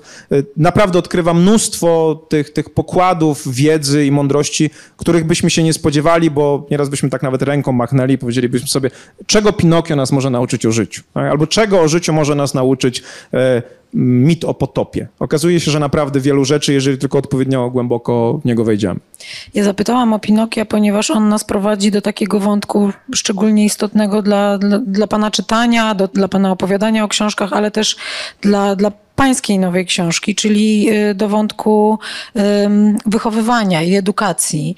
Zanim go rozwiniemy, to chciałam zapytać, czy pana książki jakoś do pańskiego buntu i krytycznego myślenia wychowały, czy były rodzicem? Ja na tej liście, y, no bo prosili mnie państwo jako organizatorzy o to, żeby mm, przedstawić najważniejsze książki dla mnie, no więc na samym końcu w punkcie 15 napisałem te, które sam napisałem, no bo one też są ważne dla mnie, tak? No być najważniejsze, no bo tutaj nie tylko brałem, nie byłem egoistą, który czyta, żeby coś zyskać, tylko chciałem coś dać, prawda, innym osobom. Jako naukowiec, no musiałem tych książek napisać co najmniej trzy, bo każda z nich oznacza stopień, czyli doktorat, habilitację i profesurę. E, I, i, I te książki były oczywiście jakimś tam efektem tego wszystkiego, czego udało mi się o świecie i o tym obszarze, którym się zajmuję, czyli filozofii języka e, aplikowanej do prawa, e, tego, czego, czego, czego udało mi się dowiedzieć. Natomiast no, ta książka jest, historia tej książki myślę w dużej części jest Państwu znana, bo e, aktywność mojego syna i jakaś moja osoba z nim związana jest już przedmiotem, jest, jakby, jest w domenie publicznej. Natomiast ja już opowiadałem historię tej książki. To było tak, że pan redaktor Ilk zadzwonił do mnie jesienią zeszłego roku, pytając, czy napisałbym książkę o tym, jak wychować obywatela. Ja powiedziałem, że oczywiście bardzo chętnie, tylko że nikt jej nie przeczyta, dlatego że no, no, po prostu ten tytuł, ta historia, tak, ta, ta, taki, taki poradnik obywatelski to jest chyba najgorsza możliwa reklama dla takiej książki. I powiedziałem, że mogę napisać książkę jak wychować rapera, która będzie książką o wychowaniu obywatela, ale przemycę te treści, tak że nikt nawet się nie zorientuje, prawda? Bo wykorzystam popularność mojego syna, żeby zakamuflować nudny wykład, tak? I będę mu opowiadał historie, yy, ciekawostki biograficzne, yy, a później z nienacka, prawda, powiem coś o wolności, prawda? Albo o praworządności. Właśnie taka jest ta książka. No i jest taka ta książka, wiecie, proszę zrozumcie mnie, ja już o tym mówiłem, że to, to co się zdarzyło z Michałem, z naszym Michałem, który był normalnym chłopakiem, a nagle, yy, jak mówi Spotify, yy, jego utworów w ciągu roku czyta się, słucha słuchają ludzie przez 9 milionów godzin, czyli jak Spotify poddaje, tak jakby ktoś zaczął w roku 988 naszej ery i nigdy nie skończył, prawda? Albo, że mojego syna słucha 10 razy więcej osób niż pani Maryli Rodowicz. To jest w ogóle nieprawdopodobne, nie? To, to, to, to po prostu się w głowie w ogóle nie mieści. I to są głównie ludzie młodzi, no aż się prosiło, żeby to wykorzystać, tak? Żeby tę popularność wziąć. No i Michał się na szczęście zgodził na to. Uważał, że uznał, że tego typu wykorzystanie tej jego twórczości do takiego nowoczesnego projektu edukacyjnego, bo to jest projekt edukacyjny tak naprawdę. Ja staram się, każdy z tych rozdziałów zaczyna się od jednego utworu Michała, czyli jest tam i patoniinteligencja, i żółte flamastry, i schodki, no ale przechodzi do rzeczy, które moim zdaniem są ważne dla nas, czyli właśnie dla wspólnoty, dla, dla, dla poczucia wspólnoty, dlatego żebyśmy nie byli plemionami podzielonymi pomiędzy siebie. Tłumaczy, mam nadzieję, przystępnym językiem, po co jest konstytucja, po co jest praworządność, dlaczego wszyscy jesteśmy potencjalnymi faszystami, faszystami, bo potencjalny faszysta to nie jest ktoś, kto, e, kto bierze udział w urodzinach Hitlera, prawda, w lesie, tylko to jest ktoś, kto unika różnorodności, dla którego różnorodność jest dyskomfortem i chce, żeby wszystko było jednolite, czyli według niego, tak, w, w, różnych obszarach. Kiedy pomyślicie o tym w taki sposób, to zobaczycie, że tak naprawdę autorytaryzm czy totalitaryzm jest marzeniem o jednolitości, żeby wszyscy byli tacy sami, rasowo, kulturowo, religijnie, seksualnie. Każdy autorytaryzm nienawidzi różnorodności, tak, i są ludzie, są wśród nas ludzie w naszym społeczeństwie, którzy mają problem z różnorodnością i to oni głosują na takich przywódców, którzy mówią, że usuną tę różnorodność, że wprowadzą cenzurę, że nie pozwolą pewnych rzeczy mówić, że usuną na przykład e, tę różnorodność na poziomie e, na przykład rasowym czy narodowościowym, bo nie będzie uchodźców, wszyscy będą biali, będzie jednolicie, że nie będzie mm, e, wielu religii, tylko jedna, nasza, ta, która powinna być, prawda? Więc tak naprawdę na pewnym poziomie problem, z którym się spotykamy współcześnie, to jest problem unikaczy różnorodności, którzy zaczynają głosować na polityków, którzy chcą różnorodność y, zlikwidować. No więc można na podstawie twórczości Michała, która jest pełna różnorodności. Ja o tym już wiele razy mówiłem, że to, to jest jeden z jego głównych, moim zdaniem, takich znaków rozpoznawczych, że Nigdy, kiedy wypuszcza nowy utwór, nikt nie wie, o czym on będzie. Tak? Znaczy w jednym utworze on jest właśnie w mundurku z Batorego, prawda, i mówi tam wulgarnie trudne rzeczy, a w drugim tańczy, prawda, w różowej piżamce na balkonie, śpiewając o, o, o Hanie Montana, prawda? Dlaczego? Dlatego, że jak mówi mądry człowiek, oryginalność to jest także umiejętność odróżnienia się od samego siebie. Tak? Każdy z nas jest złożoną osobowością, jest Nieraz wulgarny, nieraz milutki, nieraz grzeczny, nieraz niegrzeczny, nieraz mądry, nieraz głupi. Jeżeli ktoś wam mówi, że jest zawsze mądry, to uciekajcie od takiego człowieka, bo coś, coś jest z nim nie tak. Tak, coś jest z nim nie tak. E, to pokazuje, że można się uczyć różnorodności na takich materiałach, które jakoś tam rezonują z młodzieżą, prawda? No bo ja mogę oczywiście tego samego uczyć na podstawie pism e, księdza kardynała Wyszyńskiego. Tak? Albo Jana Pawła II. Robimy to zresztą na studiach. Studenci prawa czytają Ewangelium Vitae jako pewien przykład myślenia prawno-naturalistycznego. No ale daleko moim zdaniem edukacyjnie się z tym nie, nie, nie zajedzie. Musimy się nauczyć komunikować łatwiej, bardziej atrakcyjnie. No i starałem się to w tej książce zrobić. Jak pan mówi, młodzież rezonuje, to chciałam zapytać o tę najbliższą młodzież właśnie. Czy młodzież y, przeczytała pana książkę? Bo pan był często pierwszym słuchaczem y, utworów y, Michała, więc chciałam zapytać, czy pan również uczynił z niego swojego pierwszego no, to, to, nie tylko ja uczyniłem, ale to był warunek tego, że on pozwoli mi wykorzystać swoją twórczość, bo Czyli proszę pamiętać, że, że kiedy Michał, no już stało się głośno o nim, zwłaszcza za, za, za sprawą patointeligencji, no to my z żoną i z nim otrzymaliśmy około, myślę, 200 zaproszeń do różnego rodzaju programów i na różnego rodzaju kanapy w spotkaniach, w programach e, śniadaniowych. No i nie poszliśmy tam. Odmówiliśmy im, dlatego że chcieliśmy, żeby ta jego twórczość wybrzmiała bez naszego komentarza.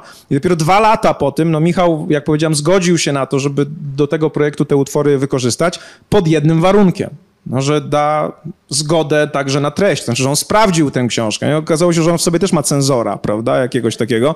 Przeczytał od początku do końca. No i w, jedny, w niektórych miejscach pokazał, że no, mimo, że jestem tak bardzo kochającym tatą, to nie do końca go zrozumiałem. E, ale to jest ciekawe, kiedy można właśnie z autorem także o tym porozmawiać. I chyba uznał, że nie nadużyłem tej, tej, tej, tej jego twórczości. Jednym z elementów takim, na którym i mi zależało jemu, było to, żeby to nie było wykorzystanie jego twórczości do celów czysto politycznych. To znaczy, to nie jest książka polityczna. To, to, ja, oczywiście ja dostaję takie pytania, czy to jest projekt antyczarnkowy, prawda? No w pewnym sensie jest, dlatego że pan Przemysław Czarnek jest świerszczem z Pinokia, prawda, który opowiada banały i myśli, że w ten sposób wy, wychowa, ale on jest tylko jedną jakby egzemplifikacją w historii i on przeminie za chwilę, a ten problem pozostanie, prawda? Zawsze będą ludzie, którzy będą mówili skończysz pod mostem, nie? szklanki wody mi nie podasz na starość, nie zastanawiając się, że to nie niesie zbyt dużo treści. To, to nie jest wychowawcze do końca, bo, bo, no, no bo właśnie nie niesie treści, więc to nie jest książka polityczna. Ja bardzo się starałem, żeby ona taka nie była, bo, bo myślę, że to byłoby też spłaszczenie tego, co Michał swoją twórczością reprezentuje. To jest książka o człowieku, o społeczeństwie, o tym, jak powinniśmy w nim żyć, zakładając, że A, jesteśmy różni, a po drugie musimy mieć jakąś taką formułę, w której się nie pozabijamy. Tak? No, no, na tym polega demokracja. Tak? Demokracja jest różnorodnością, wolność słowa jest różnorodnością i ona coraz bardziej ludziom, ludziom ciąży. Musimy mieć świadomość tego, bo coraz więcej jest tych unikaczy różnorodności, bo różnorodność jest trudna. Łatwiej się żyje w świecie jednolitym, tak? w którym wszyscy wierzą w to samo, myślą to samo, słuchają tego samego. Łatwiej po prostu. No ale taki też świat jest nudny i taki nie powinien być. To, to jest moim zdaniem w ogóle główna chyba teza tej książki. Jak wychować dziecko, jak wychować samego siebie, żeby móc żyć w świecie, który jest coraz bardziej zróżnicowany i nie zwariować. Tak, żeby móc żyć w tym świecie i znaleźć jakiś, jakiś wspólny mianownik, który nam pozwoli no właśnie nie pozabijać się, tak? nie, nie, nie być agresywnym wobec siebie, tylko realizować swoje indywidualne plany życiowe w jakiejś wspólnocie i też oczywiście wspierać się w tej realizacji. To jest, to jest strasznie trudne. To jest strasznie trudne, zwłaszcza dzisiaj, kiedy jesteśmy w czasie rewolucji informacyjnej, gdzie pomysłów na życie jest, mam wrażenie, 1500 razy więcej niż było za moich czasów, gdzie wyborów jest milion razy więcej, a więc i potencjalnej różnorodności jest coraz więcej. A więc jest coraz więcej ludzi, którzy chcą ją zredukować, żeby sobie poradzić ze światem. Często to się kończy narzucaniem, e, autorytaryzmem, jednolitością. No i to, to, jest, to jest bardzo poważny problem, filozoficzny, społeczny i ludzki i trochę starałem się tutaj ten problem właśnie w tej książce rozważać. Ja e, niewiele mamy w Polsce. Ja mam takie poczucie, że transformacja spowodowała jakiś rozłam, często w rodzinach, w systemach wartości, w stylach życia, między pokoleniami. A właściwie czytając tę książkę uświadomiłam sobie, bo y, y, kiedy Michał wydał pato, pato inteligencję i Państwo otrzymali te zaproszenia, to pewnie otrzymywał Pan też dużo kon, kondolencji, że niezły y, numer syn Panu wyciął, prawda? A ta ta książka i jakby pewnie bardzo wielu ludzi myślało o różnicach między wami, a właściwie ta książka mnie uświadomiła, jak wam jest do siebie blisko, bo no, obaj pracujecie w słowie. Trudno o taki gatunek muzyczny, który byłby bliżej literatury, poezji, zaangażowania publicznego niż hip-hop. No, nie, ma, nie ma właściwie, prawda, bardziej literatury. absolutnie tak jest. Generalnie, wiecie, ta książka jest tak naprawdę jedną wielką metaforą. Raper jest metaforą, bo tu nie chodzi o rapera, o kogoś, kto po prostu nawija teksty do bitu, tylko raper jest metaforą metaforą człowieka, który jest odważny, mówi prawdę, jest w stanie się przy, jakby pomóc społeczeństwu zrozumieć pewne kwestie. Zobaczcie, oczywiście wiele osób do nas dzwoniło z kondolencjami, można powiedzieć w pewnym sensie, kiedy Michał opublikował to, co opublikował. E, ja ten utwór znałem wcześniej o wiele i zdążyłem się jakby do niego przygotować. Natomiast popatrzcie na ten utwór, na patą inteligencję trochę z innej strony. Nagle pojawia się taki chłopak, który mówi jak jest. Tak? Oczywiście my możemy żyć w przekonaniu, że nasze dzieci piją tylko Coca-Colę i jedzą sernik na imprezach, ale tak nie jest. Po prostu tak nie jest, prawda? I teraz on, jako wrażliwy człowiek, był w tym świecie, obserwował to. My nie wiemy do końca, jako rodzice, co jest jego bezpośrednim doświadczeniem, a co jest tylko doświadczeniem e, dość, takim pośrednim, ale to nie ma żadnego znaczenia. On zamienił to na utwór, który wstrząsnął ludźmi. Tak? Po prostu, który, który zmusił do tego, żeby o tym rozmawiać. I ja wielokrotnie to podkreślałem, że z mojego środowiska prawniczego wiele osób, e, taka pani prawnik, z którą współpracuję, powiedziała mi, że przez trzy miesiące po publikacji Patointeligencji oni w, swoich, w czasie swoich spotkań o niczym innym nie rozmawiali. Także dla wielu ludzi to była w ogóle pierwsza, pierwszy moment, kiedy można było porozmawiać o tak poważnych sprawach z dzieckiem, bo już też o tym mówiłem, przepraszam, że ktoś z Państwa słuchał, no, trudno jest usiąść z dzieckiem i powiedzieć, jak tam u ciebie z seksem, nie? albo z narkotykami. Natomiast jak jest taki artefakt w postaci utworu, to można powiedzieć, słuchaj, czy ta patointeligencja to jest prawda? To jest łatwiej powiedzieć. Tak? I wiele osób pisało także do nas, mówiąc, że to często był pierwszy moment, kiedy oni mieli poważną rozmowę z dziećmi o tematach ważnych, bo nagle po, taka jest rola sztuki. Została ubudzona świadomość i zostało pokazane coś, co, czym można było zapośredniczyć dyskusję, żeby móc rozmawiać o kimś innym. Tak dla kolegi pytam, tak? Bajki, dla, prawda? Tak, tak, dla kolegi pytam, tak? A nie dla siebie, bo tutaj, prawda, jest ten ziomo i o nim można pogadać, a nie o mnie. A to, że ten ziomo to ja, to, to, to, to może, to może może się jakoś ukryje, prawda? Taka jest rola sztuki, wielkiej sztuki, że ona pozwala nam się trochę niby odłączyć od nas osobiście, ale lepiej siebie zrozumieć, prawda? I drugą metaforą jest ta relacja między mną jako profesorem, a Michałem jako raperem, bo rzeczywiście mnóstwo ludzi mówili, no to dopiero, prawda, prawie mezalians, nie? To po prostu jest w ogóle, co to się w ogóle tutaj stanęło, nie? Jak mówi ten, ten człowiek z tego memu e, słynnego. No, no niewiele tak naprawdę. No, Michał jako ten Pinokio nie chciał zostać profesorem, chociaż mógłby pewnie, bo wydaje mi się, że intelektualnie go na to stać, dlatego, że do końca życia by mu wszyscy mówili, mówili, ojciec ci załatwił. Książki miałeś w bibliotece, no w związku z tym byłeś lepiej przy... I tak tak mówią, prawda? Więc on wybrał najbardziej odległy obszar, w którym ja naprawdę nie pomogę mu w, w, w sporze z białasem, nie? czy tam z magikiem. No, no, mimo wielkich chęci, no trudno mnie traktować jako aset. Jestem bala, balastem raczej, prawda, tutaj. Zwróćcie uwagę, że w Papudze, tym ostatnim singlu Michała, on na początku gra kartami w pokera i ma siódemkę i dwójkę w dwóch różnych kolorach. To podobno jest najsłabsza możliwa kombinacja, a wygrywa.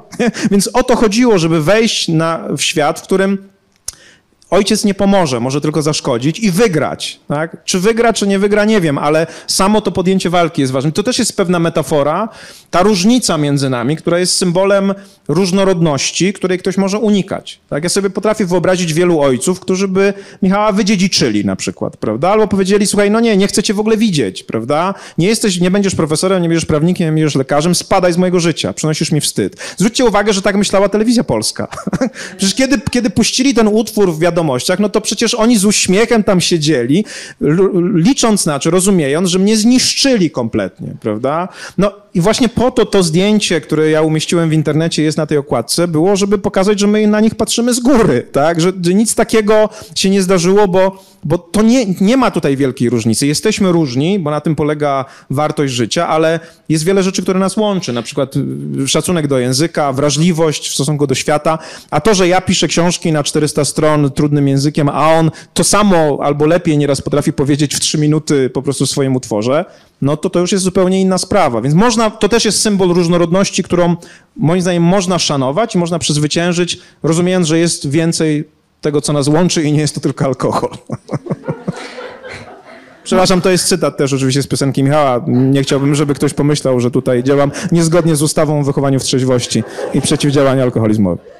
Ja tak czytając tę książkę myślałam, że jednak to jabłko nie padło wcale daleko od jabłoni, bo y, w hip-hopie erudycja jest szalenie ceniona. Jakby trzeba znać y, bardzo wiele punktów o odniesienie milion gwiazd na niebie, żeby ciągle z nimi y, dyskutować i tak się zdobywa profesurę w, w hip-hopie, że się właśnie wie wszystko i umie się mm, w sposób zwarty i piękny jakoś bardzo, bardzo trafny odnieść do innych. Chciałam pana jeszcze zapytać o, o, o, jeśli chodzi o tę książkę, o jedną rzecz, bo ona ma y, bardzo ciekawą formę nie tylko dlatego, że pan wychodzi od, od y, utworów y, Maty i, i je interpretuje w bardzo rozmaity sposób, ale to są ba, bardzo krótkie eseje. Właściwie pan mówi tak, jak pan pisze, więc jest pan też rzadkim przypadkiem człowieka, który może robić i jedno i drugie z powodzeniem, to znaczy nie, musi, nie, ma, nie ma różnicy językowej wielkiej między pana mówieniem a pisaniem i to się znakomicie czyta i znakomicie broni na, na, na papierze, co naprawdę jest y, rzeczą trudną. Chciałam zapytać pana, każda, każda z tych opowieści jest, jest zamkniętą całością, jest mikrowykładem, do którego można wrócić, który ma zebrane najważniejsze myśli na końcu. No, chciałam pana zapytać, kto pana tego nauczył, bo to nie jest y, polski styl, y, klasyczny styl polskiego naukowca. Czy to jest doświadczenie y, no jednak przy, przywiezione e, ze świata, czy to jest pana jakaś własna, własna właśnie inwencja? Wie pani, to, to oczywiście bardzo trudno powiedzieć. Ja mam, myślę, że państwo też mają takie doświadczenie. Wydaje mi się, że jak się generalnie dużo czyta, a właśnie ostatnio z żoną z zaciekawieniem zauważyliśmy, bo Michał nas poprosił, żeby znaleźć jakieś zdjęcie z dzieciństwa, które gdzieś tam chciał wykorzystać, więc przeglądaliśmy nasze zdjęcia i nagle patrzymy, a Michał właśnie na każdym zdjęciu z książką. po prostu na plaży z książką, prawda? W samolocie z książką, więc jak się dużo... On też, to też jest jakaś kolejna... On teraz trochę, moim zdaniem, lubi poudawać głupszego niż jest, bo to się być może dobrze sprzedaje, więc, więc już się tego wstydzi trochę, ale, ale to czytanie gdzieś tam jest w nas i moim zdaniem ono daje wrażliwość językową. Mówię o tym, że państwo pewnie też mają takie doświadczenie, że jak się sporo czyta, to później jak człowiek pisze, to mówi, kurczę, to nie moje słowa ta, ta, fraza, skądś znam tę frazę, tak? Że gdzieś chyba, no, po prostu ona gdzieś w głowę wchodzi, kiedy się y, czyta, więc wydaje mi się, że łatwiej się oczywiście pisze i mówi, jak się, jak się sporo czyta. Ja na przykład zauważam taką rzecz, ja muszę sporo czytać po angielsku, zwłaszcza rzeczy swoich naukowych. Jak za dużo czytam po angielsku, to nagle zacinam się, jak mówię po polsku. To jest, to jest, to jest bardzo częste zjawisko, czyli to, to czytanie jest moim zdaniem takim stałym paliwem, które pozwala nam, nam, nam, nam mówić i pisać. Natomiast ja często też prowadzę takie szkolenia z prostego mówienia o skomplikowanych rzeczach. I chcę Państwu o jednej rzeczy tylko powiedzieć. Język jest często narzędziem pognębienia przeciwnika. To znaczy, każdy średnio wykształcony, a zwłaszcza wysoko wykształcony człowiek może zabić językiem. To znaczy, może sformułować zdanie, w którym będzie 15 nominalizacji, prawda, tak, że absolutnie nikt tego nie zrozumie i będzie się czuł głupszy. I my mamy często, mówię tutaj o ludziach wykształconych, na przykład, nie wiem, o profesorach, lekarzach, sędziach, taką taką potrzebę, żeby pokazać swoją wyższość społeczną, przez to, że mówimy językiem złożonym. Ja miałem kiedyś takiego profesora, który był dumny, że każde jego zdanie trzeba czytać 10 razy, żeby zrozumieć, o, o co w nim chodzi. Uważam, że to jest dobra praca naukowa. Więc ja mówię temu wszystkiemu nie i uważam, że tak naprawdę e, ideą mu nie i uważam, że tak naprawdę e, ideą jest to, żeby, na przykład mówi się wśród prawników, że najlepszy prawnik myśli jak filozof, a mówi jak chłop. To znaczy ma, ma bardzo precyzyjny sposób myślenia, roz, rozróżnienia rzeczy, ale kiedy to komunikuje, to jest w stanie to zrobić tak, że każdy zrozumie, także z szacunku dla drugiego człowieka. To znaczy po to, żeby z nim nawiązać y, jakąś nić porozumienia i żeby on się nie czuł poniżony tym, że na przykład, nie wiem, nie przeczytał tych wszystkich książek, albo nie zna tych wszystkich łacińskich zwrotów, albo nie zna nie zna, prawda, jeszcze tysiąca innych słów. E, bardzo Państwu polecam taką, znaczy trochę przewrotnie polecam taką serię e, Jak blefować z głową. Kiedyś była taka seria, gdzie w różnych dyscyplinach życia można było oszukiwać ludzi, że się człowiek na czymś zna. Na przykład jest część Jak blefować z głową wino, czyli można, tam uczy się jak udawać, że się zna na winie, albo golf, jak udawać, że się zna na golfie. Ja najbardziej lubię część, która dotyczy tego, jak udawać, że się zna na filozofii. I tam jest powiedziane, że trzeba sobie wszystkim kupić fajkę, dlatego że jak się dostaje trudne pytanie, to można zacząć ją czyścić, nabijać i robi się to tak długo, że, że ludzie zapominają, czego dotyczyło pytanie. Ale najlepsza rada była taka, że jeżeli w filozofii możesz coś powiedzieć w języku obcym, to zrób to i najlepiej, żeby był to niemiecki. Bo wtedy pognębisz przeciwnika całkowicie i już w ogóle nie będzie szansy na to, że on się podniesie. No więc mnóstwo ludzi udaje, że się zna, moim zdaniem, na prawie, na filozofii, że jest wykształconych, dlatego że no właśnie, wydaje mi się, że jak, jak powiedzą coś po niemiecku, Weltschmerz, prawda, albo właśnie, no nie wiem, powiedzą właśnie coś po łacinie, no to wtedy będą mądrzejsi. Tak nie jest. Na, na, na takim, wydaje mi się, naprawdę profesjonalnym poziomie, na przykład prawniczym, Klienci najbardziej doceniają to, że człowiek wie wszystko, ale potrafi powiedzieć o tym tak prosto, że, że ten drugi też zaczyna wiedzieć wszystko, prawda? Właśnie chcą mieć kogoś, kto jest jak dobra książka, która, która otwiera i, i składa rzeczy y, w jakiś spójny obraz, a nie pogłębia chaos, prawda? I powoduje, że człowiek po rozmowie czuje się głupszy niż był przed. To nie ma sensu, tak? to, to nie ma sensu, bo to do niczego nie prowadzi. Więc ja myślę, że to jest często też kwestia nastawienia takiego psychicznego, prawda? Ja chcę być, wyglądać na mądrzejszego, prawda? Ja chcę trochę się popisać. Zawsze zaczynam to moje szkolenie dotyczące prostego mówienia jednym slajdem, na którym jest napisane nie szpanuj. nie, nie popisuj się tym, jak, jak, jak pięknie, jakie piękne słowa znasz i, i jak, jak bardzo w łacinę się zagłębiłeś, bo nie o to chodzi. Chodzi o to, żeby się zrozumieć i chodzi o to, żeby przekazać coś, co drugiemu człowiekowi przyda się po prostu w życiu. I wydaje mi się, że to nastawienie jest ważne i od tego trzeba po prostu zacząć komunikację. W redakcjach prasowych, w których ja pracuję, mamy na przykład takie słoiki, do których trzeba wrzucać 5, 10 albo 20 zł za używanie słów typu paradygmat i tak sobie z kolegami wyznaczamy zakazy. Tak, są tak zwane słowa trumny, prawda? Bo one zamykają żywy tekst po prostu w coś, co... Albo to są rzeczowniki zombie, Helen Sort takie nazywa, dlatego że one wyciągają życie z języka, prawda? Jak mówią autor, tacy autorzy zajmujący się prostotą mówienia, nikt nigdy nie spotkał paradygmatu na ulicy, prawda? E, po, poziomu albo albo, modelu też nikt nie potrafi dotknąć palcem, prawda? Więc, więc to, to, to nie ma sensu tak mówić. Y, na pewno y, pana książka nie ma wiele wspólnego ze szpanem, ale jeśli Państwo szukają, właściwie myślę, że ona sama w sobie jest y, listą lektur książek Pana życia, bo, bo rzeczywiście jak sobie próbowałam policzyć, ile, ile, i, i do ilu autorów Pan się odwołuje na pierwszych 20 stronach, to już przestałam. To ja mogę jeszcze jedną rzecz powiedzieć, bo jestem zobowiązany wobec wydawnictwa Znak, dlatego że jak wydawnictwo Znak umieściło tą książkę na swojej, tę książkę na swojej stronie internetowej i na, na, na, na swojej stronie na Facebooku, to spadł na nich straszny hejt. Ludzie powiedzieli, już nigdy nic od was nie kupię, skoro, skoro publikujecie książki o raperach. Starałem się, żeby to nie była głupia książka. To znaczy tam, tam tam jest rzeczywiście wielu autorów, dziękuję, że pani o tym powiedziała, bo to, to, to nie jest autobiografia. Znaczy, tak jak mówię, tutaj ja bardzo cynicznie wykorzystuję to zaciekawienie Michałem. Tam jest y, i Arendt, tam jest Albert Camus, tam jest, tam jest y, Susan Zontag, tam jest mnóstwo autorów, więc jeżeli ktoś z państwa brzydzi się książką o, o raperze, nie chciałby jej dotknąć, dlatego że będzie zbyt niska na półce pod tytułem kultura, prawda, to chciałbym poprosić o przezwyciężenie tego wstrętu i żeby jednak spo, spo, nie oceniać książki po okładce, zwłaszcza w tym, w tym, w tym, w tym przypadku. My oczywiście zachęcamy do, e, do kupienia tej książki i pan profesor obiecał, że będzie dzielnie podpisywał do e, ostatniego gościa po, po naszej rozmowie. Ale wracając do, tych, e, do tej mapy, mapy sensów i mapy tytułów, o których, o których mamy dzisiaj rozmawiać, bo jeszcze na tej kupce nam trochę zostało. Czy Czy o, o Heideggerze pan wspominał, tak, tak. ale oczywiście możemy go Może jeszcze pokazać, jedną, że nie, jedną nie trzeba sugestię się Państwu chciałbym tutaj przekazać. Jest taka wielka dyskusja też w środowisku czytelników, zwłaszcza czytelników filozofii, czy powinno się czytać teksty źródłowe, czy komentarze do tekstów źródłowych. Myślę, że są takie. No, ktoś, kto chce się zajmować kantem, no to właśnie czy ma zaczynać od krytyki czystego rozumu, czy, czy może jednak o, od jakiegoś komentarza. Więc moje zdecydowane, e, moja zdecydowana rekomendacja jest zawsze komentarze.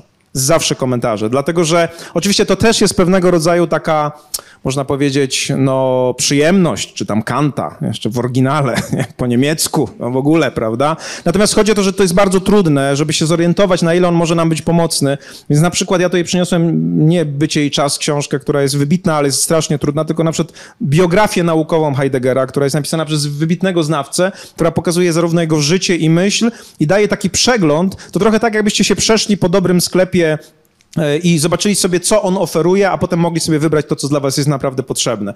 Jeżeli zaczniecie czytać Bycie i Czas no to to będzie trudne po prostu, dlatego że, że, że no to jest książka, jak mówię, wybitna, ale napisana trudnym językiem. Ten przewodnik, jak gdyby pozwoli moim zdaniem lepiej zrozumieć i potem pogłębić. Oczywiście na jakimś, na jakimś etapie trzeba zacząć czytać te teksty źródłowe, jeżeli ktoś chce się tym zajmować, ale dla innych celów, właśnie uzyskania jakiegoś takiego wskazówki, przewodnika, zrozumienia pewnych kwestii, moim zdaniem komentarze są zdecydowanie lepsze niż teksty źródłowe. Y, kiedy mówił Pan o książce Jordana Petersona, wspominał Pan o tym, jak bardzo on y, dzieli ludzi, y, ale to jest też książka, której Pan bardzo broni i broni też swojej postawy czytania w cudzysłowie wszystkiego. To znaczy z każde, z całego spektrum, jakie literatura oferuje, mówi Pan, że, że nie, nie chce się dać zaszufladkować, ograniczyć w swoich wyborach, bo każda książka może okazać się czymś dla Pana wartościowym, może Panu coś zaoferować. Ale chciałam Pana zapytać o to, czy Pana zdaniem są książki, które mogą y, być złe, nie w sensie źle, nie, nie, źle napisane, nieudane. Czy, czy są w Pana przekonaniu książki, które mogą wyrządzić zło? Szczerze mówiąc, nie zastanawiam, znaczy tak, nie spotkałem takiej książki. E, e, oczywiście są książki, które jakby są na indeksie ksiąg zakazanych. No, oczywiście toczy się dyskusja, czy trzeba czytać Mein Kampf na przykład, prawda, Hitlera, czy, czy, czy, to, czy to ma sens, czy to nie ma, czy to nie ma sensu.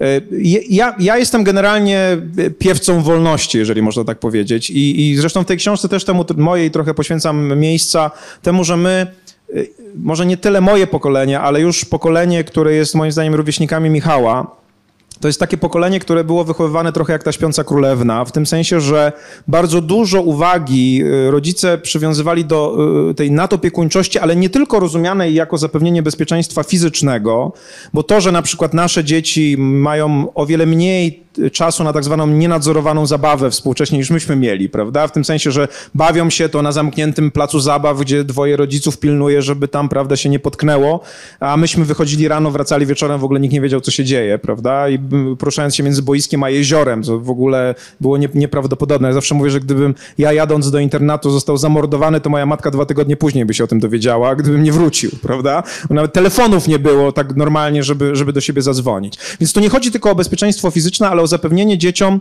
czegoś, co niektórzy autorzy nazywają bezpieczeństwem psychicznym. To znaczy właśnie takim jakby przekonaniem, że mogą być książki, które ich zranią, ale tu nie chodzi o książki niemoralne, tylko chodzi o to, że to już od dziecka buduje się pewnego rodzaju bańkę, y, która później niestety skutkuje czymś, co jest złe dla demokracji. Bo jak się wychowuje takiego człowieka, który jest w bańce, któremu się nie daje konfrontacji z czymś, co może być dla niego przykre, z czymś, co może być dla niego trudne do przyjęcia, to on wyrasta w pewnym takim komforcie, który potem przełamuje, potem w takie jakby dążenia cenzorskie wręcz się przekształca. To jest człowiek, który jest wychowywany na unikacza różnorodności na unikacza różnorodności. Na przykład, zobaczcie, są w naszej historii zdarzenia, które są nieraz trudne do zaakceptowania. Jedwabne jest taką historią, tak? Jedwabne jest taką historią. I teraz zobaczcie, są wśród nas ludzie, którzy są w stanie się zderzyć z tą historią, tak?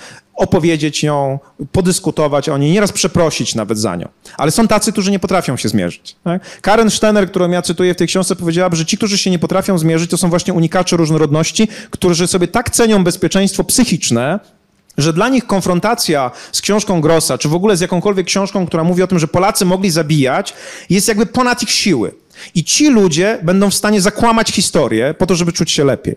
I ja nie mówię o tym, żeby ich wykluczyć, czy żeby ich potępić, tylko żeby zdać sobie sprawę, że w wielu dziedzinach naszego życia są tacy ludzie. Kiedy bracia Siekielscy zrobili filmy o pedofilii, to wszyscy mówili, no teraz to partii politycznej, która jest związana z Kościołem, to już spadnie poparcie na pewno. Spadło? Nie, wzrosło. Dlaczego? Dlatego, że ludzie woleli żyć w dysonansie poznawczym, mówiąc, no nie, to tak nie mogło być, tak? No to, to, to, to musi być nieprawda, dlatego że jeżeli ja się z tym skonfrontuję, no to stracę to bezpieczeństwo psychiczne. I mi, między innymi w tej książce chodzi o to, żeby pokazać, że my no nie możemy takich mamin synków i takich mamin córek wychowywać po prostu. Tak? Nie, nie możemy wychować śpiących królewien, tak się mówi? Chyba da. Nie, nie, nie może tak być, dlatego że to zło gdzieś tam się pojawi i musimy. E, inna jeszcze historia, ja tam opisuję eksperyment Milgrama w tej książce, czyli ten eksperyment, gdzie ludzie u, u, ulegali autorytetowi, żeby torturować innego człowieka, pokazując, że posłuszeństwo jest złe moralnie, a bunt w takim przypadku byłby dobry moralnie. Tam wśród tych kobiet i mężczyzn, którzy byli poddawani tym, temu e, eksperymentowi, jest taka Gretchen, która była Niemką, która przyjechała do Stanów Zjednoczonych, a Milgram chciał tak naprawdę Niemców zbadać, żeby pokazać, że oni są, byli specjalnie podatni na posłuszeństwo wobec autorytetu i dlatego wykonywali rozkazy, ale przetestował to na Amerykanach najpierw. Okazało się, że Amerykanie są dokładnie tacy sami, bo wszyscy jesteśmy tacy sami. I ta Gretchen była osobą, która mówiła kontynuowania tego e, eksperymentu, czyli zbuntowała się wobec autorytetu profesora, który nakazywał, a jak ją potem zapytali, dlaczego to zrobiła, bo to powiedziała, być może dlatego, że widziałam zbyt dużo zła. Więc zobaczcie, co tu się dzieje. Nagle okazuje się, że kontakt ze złem może działać trochę jak szczepienie, jak szczepionka, która, która powoduje, że następnym razem, jak się to zło widzi, to jest w stanie się rozpoznać i się mu sprzeciwić.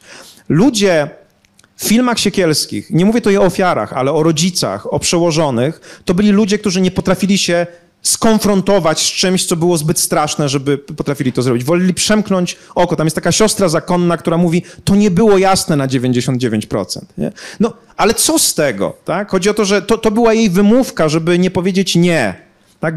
Chodzi o to, że gdyby była bardziej może wychowana nie do posłuszeństwa, ale do buntu, do możliwości wejścia w konflikt ze złem, przerwałaby to. Powiedziałaby, nie, tak nie może być. Tak? Może zbuntowała się wobec księdza, wobec biskupa. Może ci rodzice, gdyby byli mniej wychowywani do posłuszeństwa, bardziej do buntu, zapobiegliby temu złu. I to łączę trochę, staram się w tej książce połączyć, czyli pokazać, że my wychowujemy na, y, dzieci do posłuszeństwa i myślimy, że wszystko będzie dobrze. Wychowujemy je w bezpieczeństwie psychicznym i myślimy, że wszystko będzie dobrze, a to może prowadzić do złych rzeczy, dlatego że jak się pojawi zło w, im, w ich świecie, to oni w ogóle go nie rozpoznają, dlatego że nigdy wcześniej z nim w kontrolowanych warunkach nie, nie, nie, te dzieci nie miały kontaktu. Wiecie, co surykatki robią na przykład ze swoimi małymi? Surykatki dają, edukują małe, duże surykatki, edukują małe surykatki w zakresie yy, radzenia sobie ze skorpionami. Wiecie jak? Najpierw mała surykatka dostaje martwego skorpiona, żeby się nim pobawiła. Później dostaje żywego, ale takiego, który nie ma żądła, żeby się nim pobawiła. A dopiero później, jak już jest duża, dostaje prawdziwego, żeby sobie z nim poradziła. To, to jest szczepienie jak gdyby na zło, prawda? Uczenie, które, no można by było powiedzieć, moja surykatko w ogóle się nie zbliżaj do skorpionów. Ale świat jest pełen skorpionów, nie? różnych. Tak? I jeżeli ono będzie to dziecko całkowicie od nich odseparowane, to później jak spotka pierwszego, to będzie chciało się przytulić. Nie? I to się źle skończy.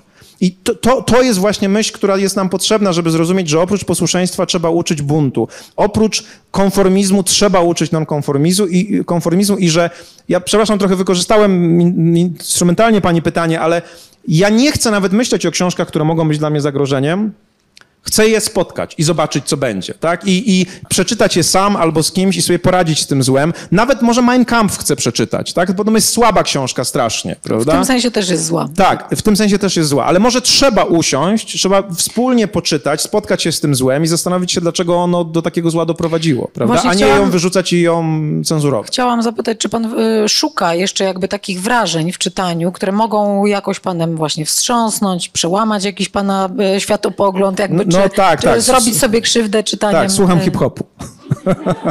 nie, słuchajcie, tak, tak, mówię to trochę śmiesznie, ale też trochę poważnie. Ja mam duży szacunek, dzięki Michałowi poznałem trochę to środowisko, poznałem te teksty. Wiecie, to nie jest przypadek, że hip-hop w ogóle zdominował y, scenę muzyczną i w Polsce, i na świecie, że pop już właściwie jest niszową dyscypliną muzyczną, bo jest zbyt taki plastikowy i hip-hop go zastąpił jako muzyka rozrywki.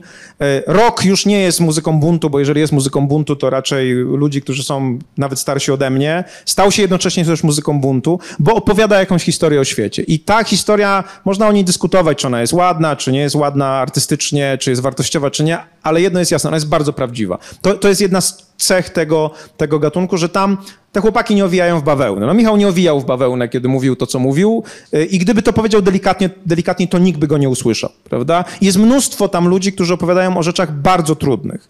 I mogę powiedzieć tylko tyle, że ja już znam oczywiście także utwory z Michała nowej płyty i łatwo nie będzie.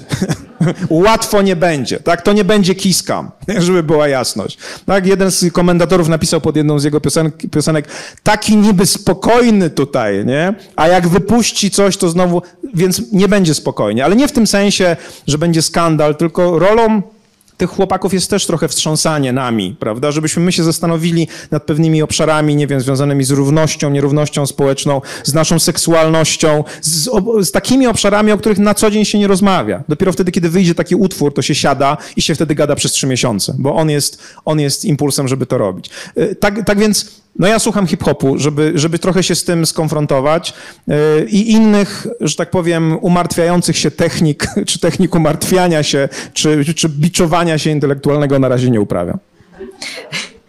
E, czas z panem profesorem leci jak błyskawica, ale mamy jeszcze dwie książki, o których mam nadzieję pan nam powie. Jeśli ktoś z państwa ma jakieś pytanie, chciałby zadać, to proszę się szykować. Damy sobie może akademicki, krótki kwadrans. No ale na, na tapecie jest e, Stanisław no, Lem. No nie, no nie będziemy gadać o Lemie, bo to wszystko jest jasne po prostu. Lem wielkim pisarzem była, ta książka jest książką nieprawdopodobną. To znaczy, wiecie co, znaczy ja trochę mi, trochę mi wstyd o tym mówić, ale jest niewiele książek, które tak poruszają moim zdaniem jak Solaris. Zwłaszcza, zwłaszcza końcówka Solaris jest, jest tak nieprawdopodobnie poruszającym doświadczeniem, że no, ja rzadko, rzadko mi się zdarzało mieć tak, takie, takie doświadczenie i zastanawiam się, dlaczego tak jest.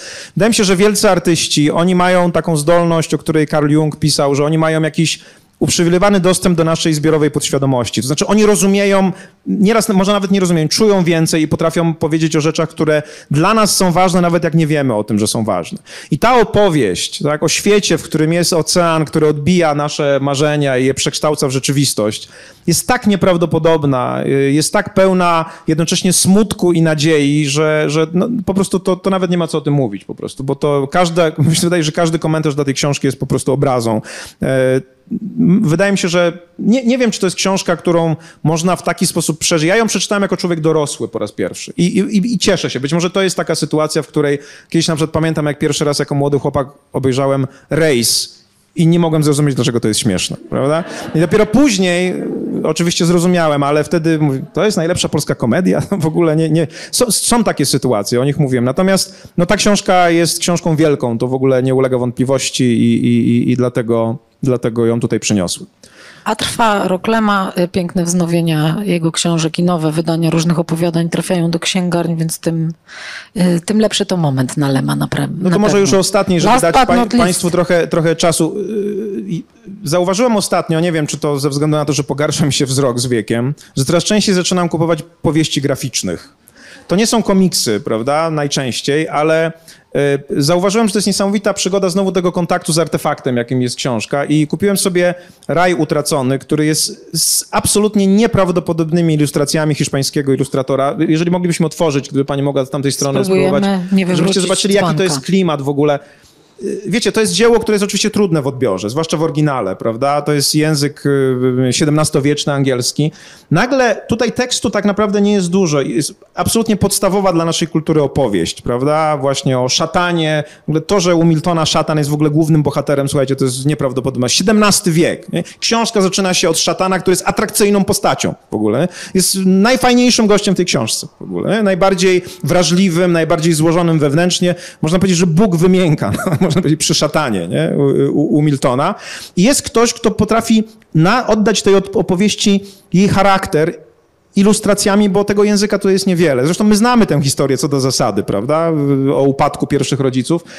Natomiast dla mnie to jest jakieś zupełnie nowe doświadczenie literatury, zwłaszcza takiej, którą jest trudno odbierać bezpośrednio, no właśnie Raj Utracony jest poematem, tak jak mówię, napisanym jeszcze w angielskim XVII-wiecznym, więc trudno jest to e, odebrać. Bardzo wam polecam to doświadczenie z takimi dobrymi e, książkami, powieściami graficznymi, czy w ogóle wydaniami graficznymi, przecież to nie powieść, które nagle pokazują inny sens, czy może inne doświadczenie, bardziej takie wzrokowe e, tego, tego o co w nich chodzi. To zresztą jest doświadczenie bardzo ciekawe. Wydaje mi się, że nasza kultura przechodzi na, na doświadczenie niezapośredniczone przez słowo. O tym też y, komentując Dukaja mówiłem. No, zauważyłem, że na przykład wiele tytułów e, nowych utworów mojego syna to są liczby, a nie słowa, prawda? I to też jest ciekawe, że one też już są jakby pewną ucieczką, prawda, od słowa. Jak popatrzycie, no to jest dla mnie zadziwiające, na Facebooku ludzie jeszcze piszą. Na Twitterze oczywiście też piszą, ale na Instagramie większość komentarzy to są w ogóle hieroglify, nie? Serduszka, ręce, uśmiechy.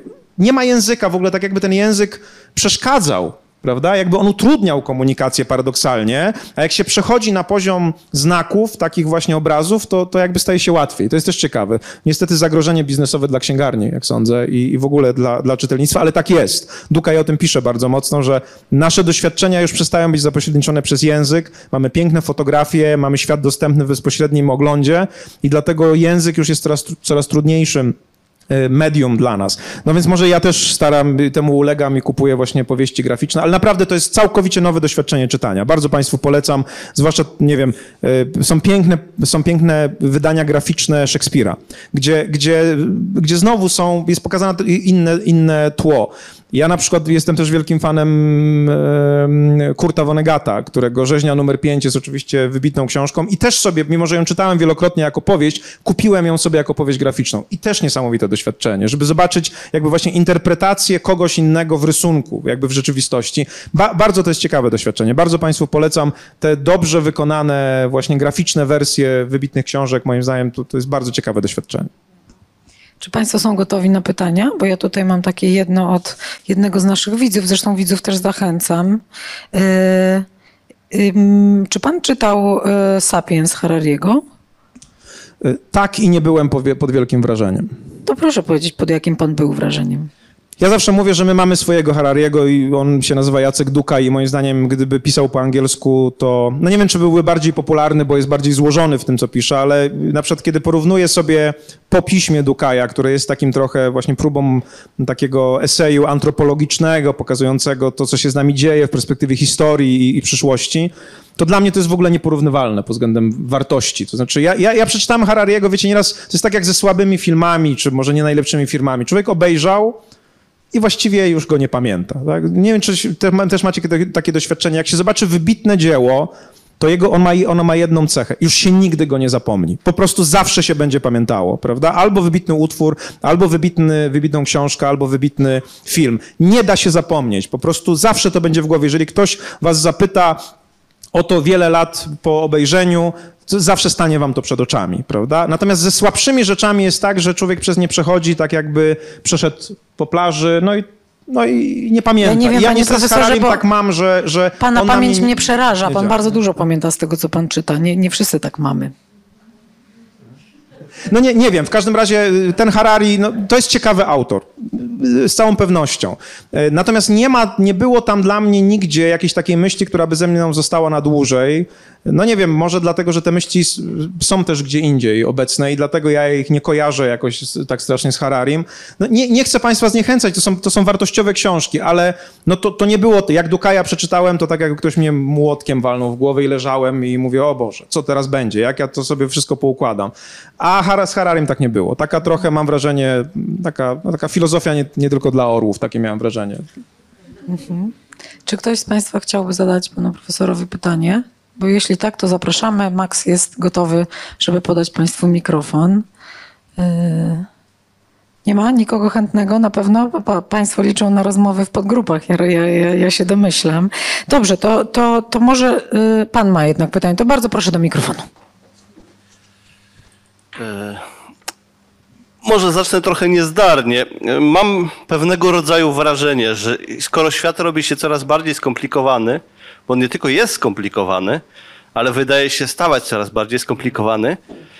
Następuje podział między tym, którzy mniej więcej ten świat rozumieją i z tymi, którzy albo nie są wystarczająco wyedukowani, albo po prostu są tak opanowani przez swoje lęki, że nie są go w stanie zrozumieć. I dlatego się boją tej właśnie różnorodności i w ogóle wszystkiego, co ich otacza, a przede wszystkim ludzi inteligentnych, którzy mogliby mu ten świat wytłumaczyć. I teraz jest y, pan, y, to, co pan mówił o tym trafianiu do ludzi, o mówieniu prosto, to jest super. Ale większość ludzi, którzy znajduje się powiedzmy w tej elicie intelektualnej, nie ma takiego podejścia.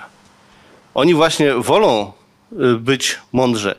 W jaki sposób można byłoby ich zachęcić, żeby no, zaczęli spełniać te swoje posłannictwo, czyli wyciągać ludzi ze swojego poziomu? Wie pan, to bardzo jest trudne oczywiście pytanie i to jest mnóstwo pewnych bardzo głębokich założeń. Znaczy, generalnie...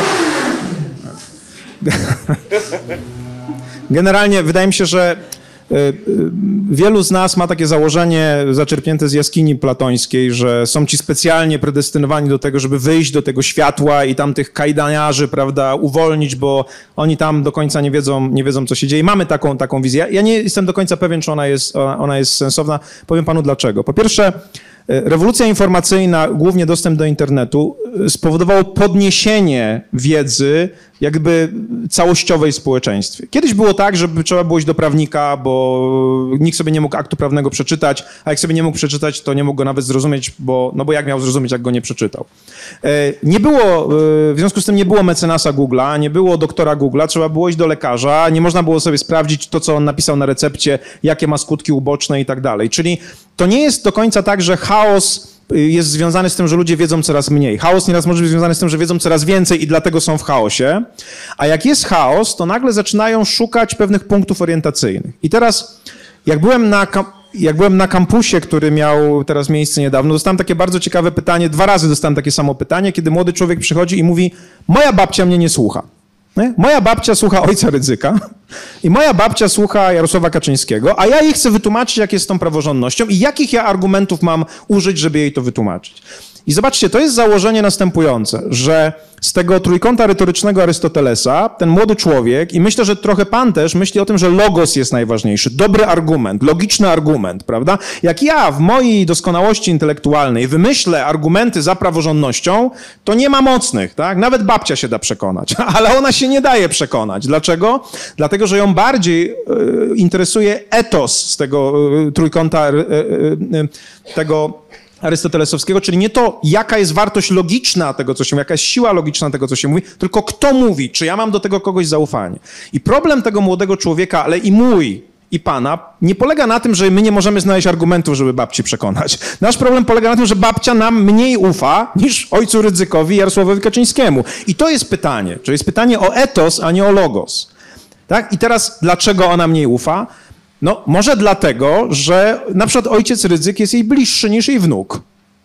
I tak może być. Ja w jednym z wykładów mówiłem o tym, że współcześnie gdzieś chyba w Wielkiej Brytanii w latach 2000 otworzono takie przedsiębiorstwo Srebrna Linia, gdzie można wykupić abonament, żeby obcy ludzie dzwonili do rodziców i do dziadków, jak my nie mamy czasu, i żeby z nimi gadali żeby im dać poczucie, jakby, że mają kogoś bliskiego. Otóż u nas ojciec Rydzyk wpadł na tę ideę 20 lat wcześniej, prawda?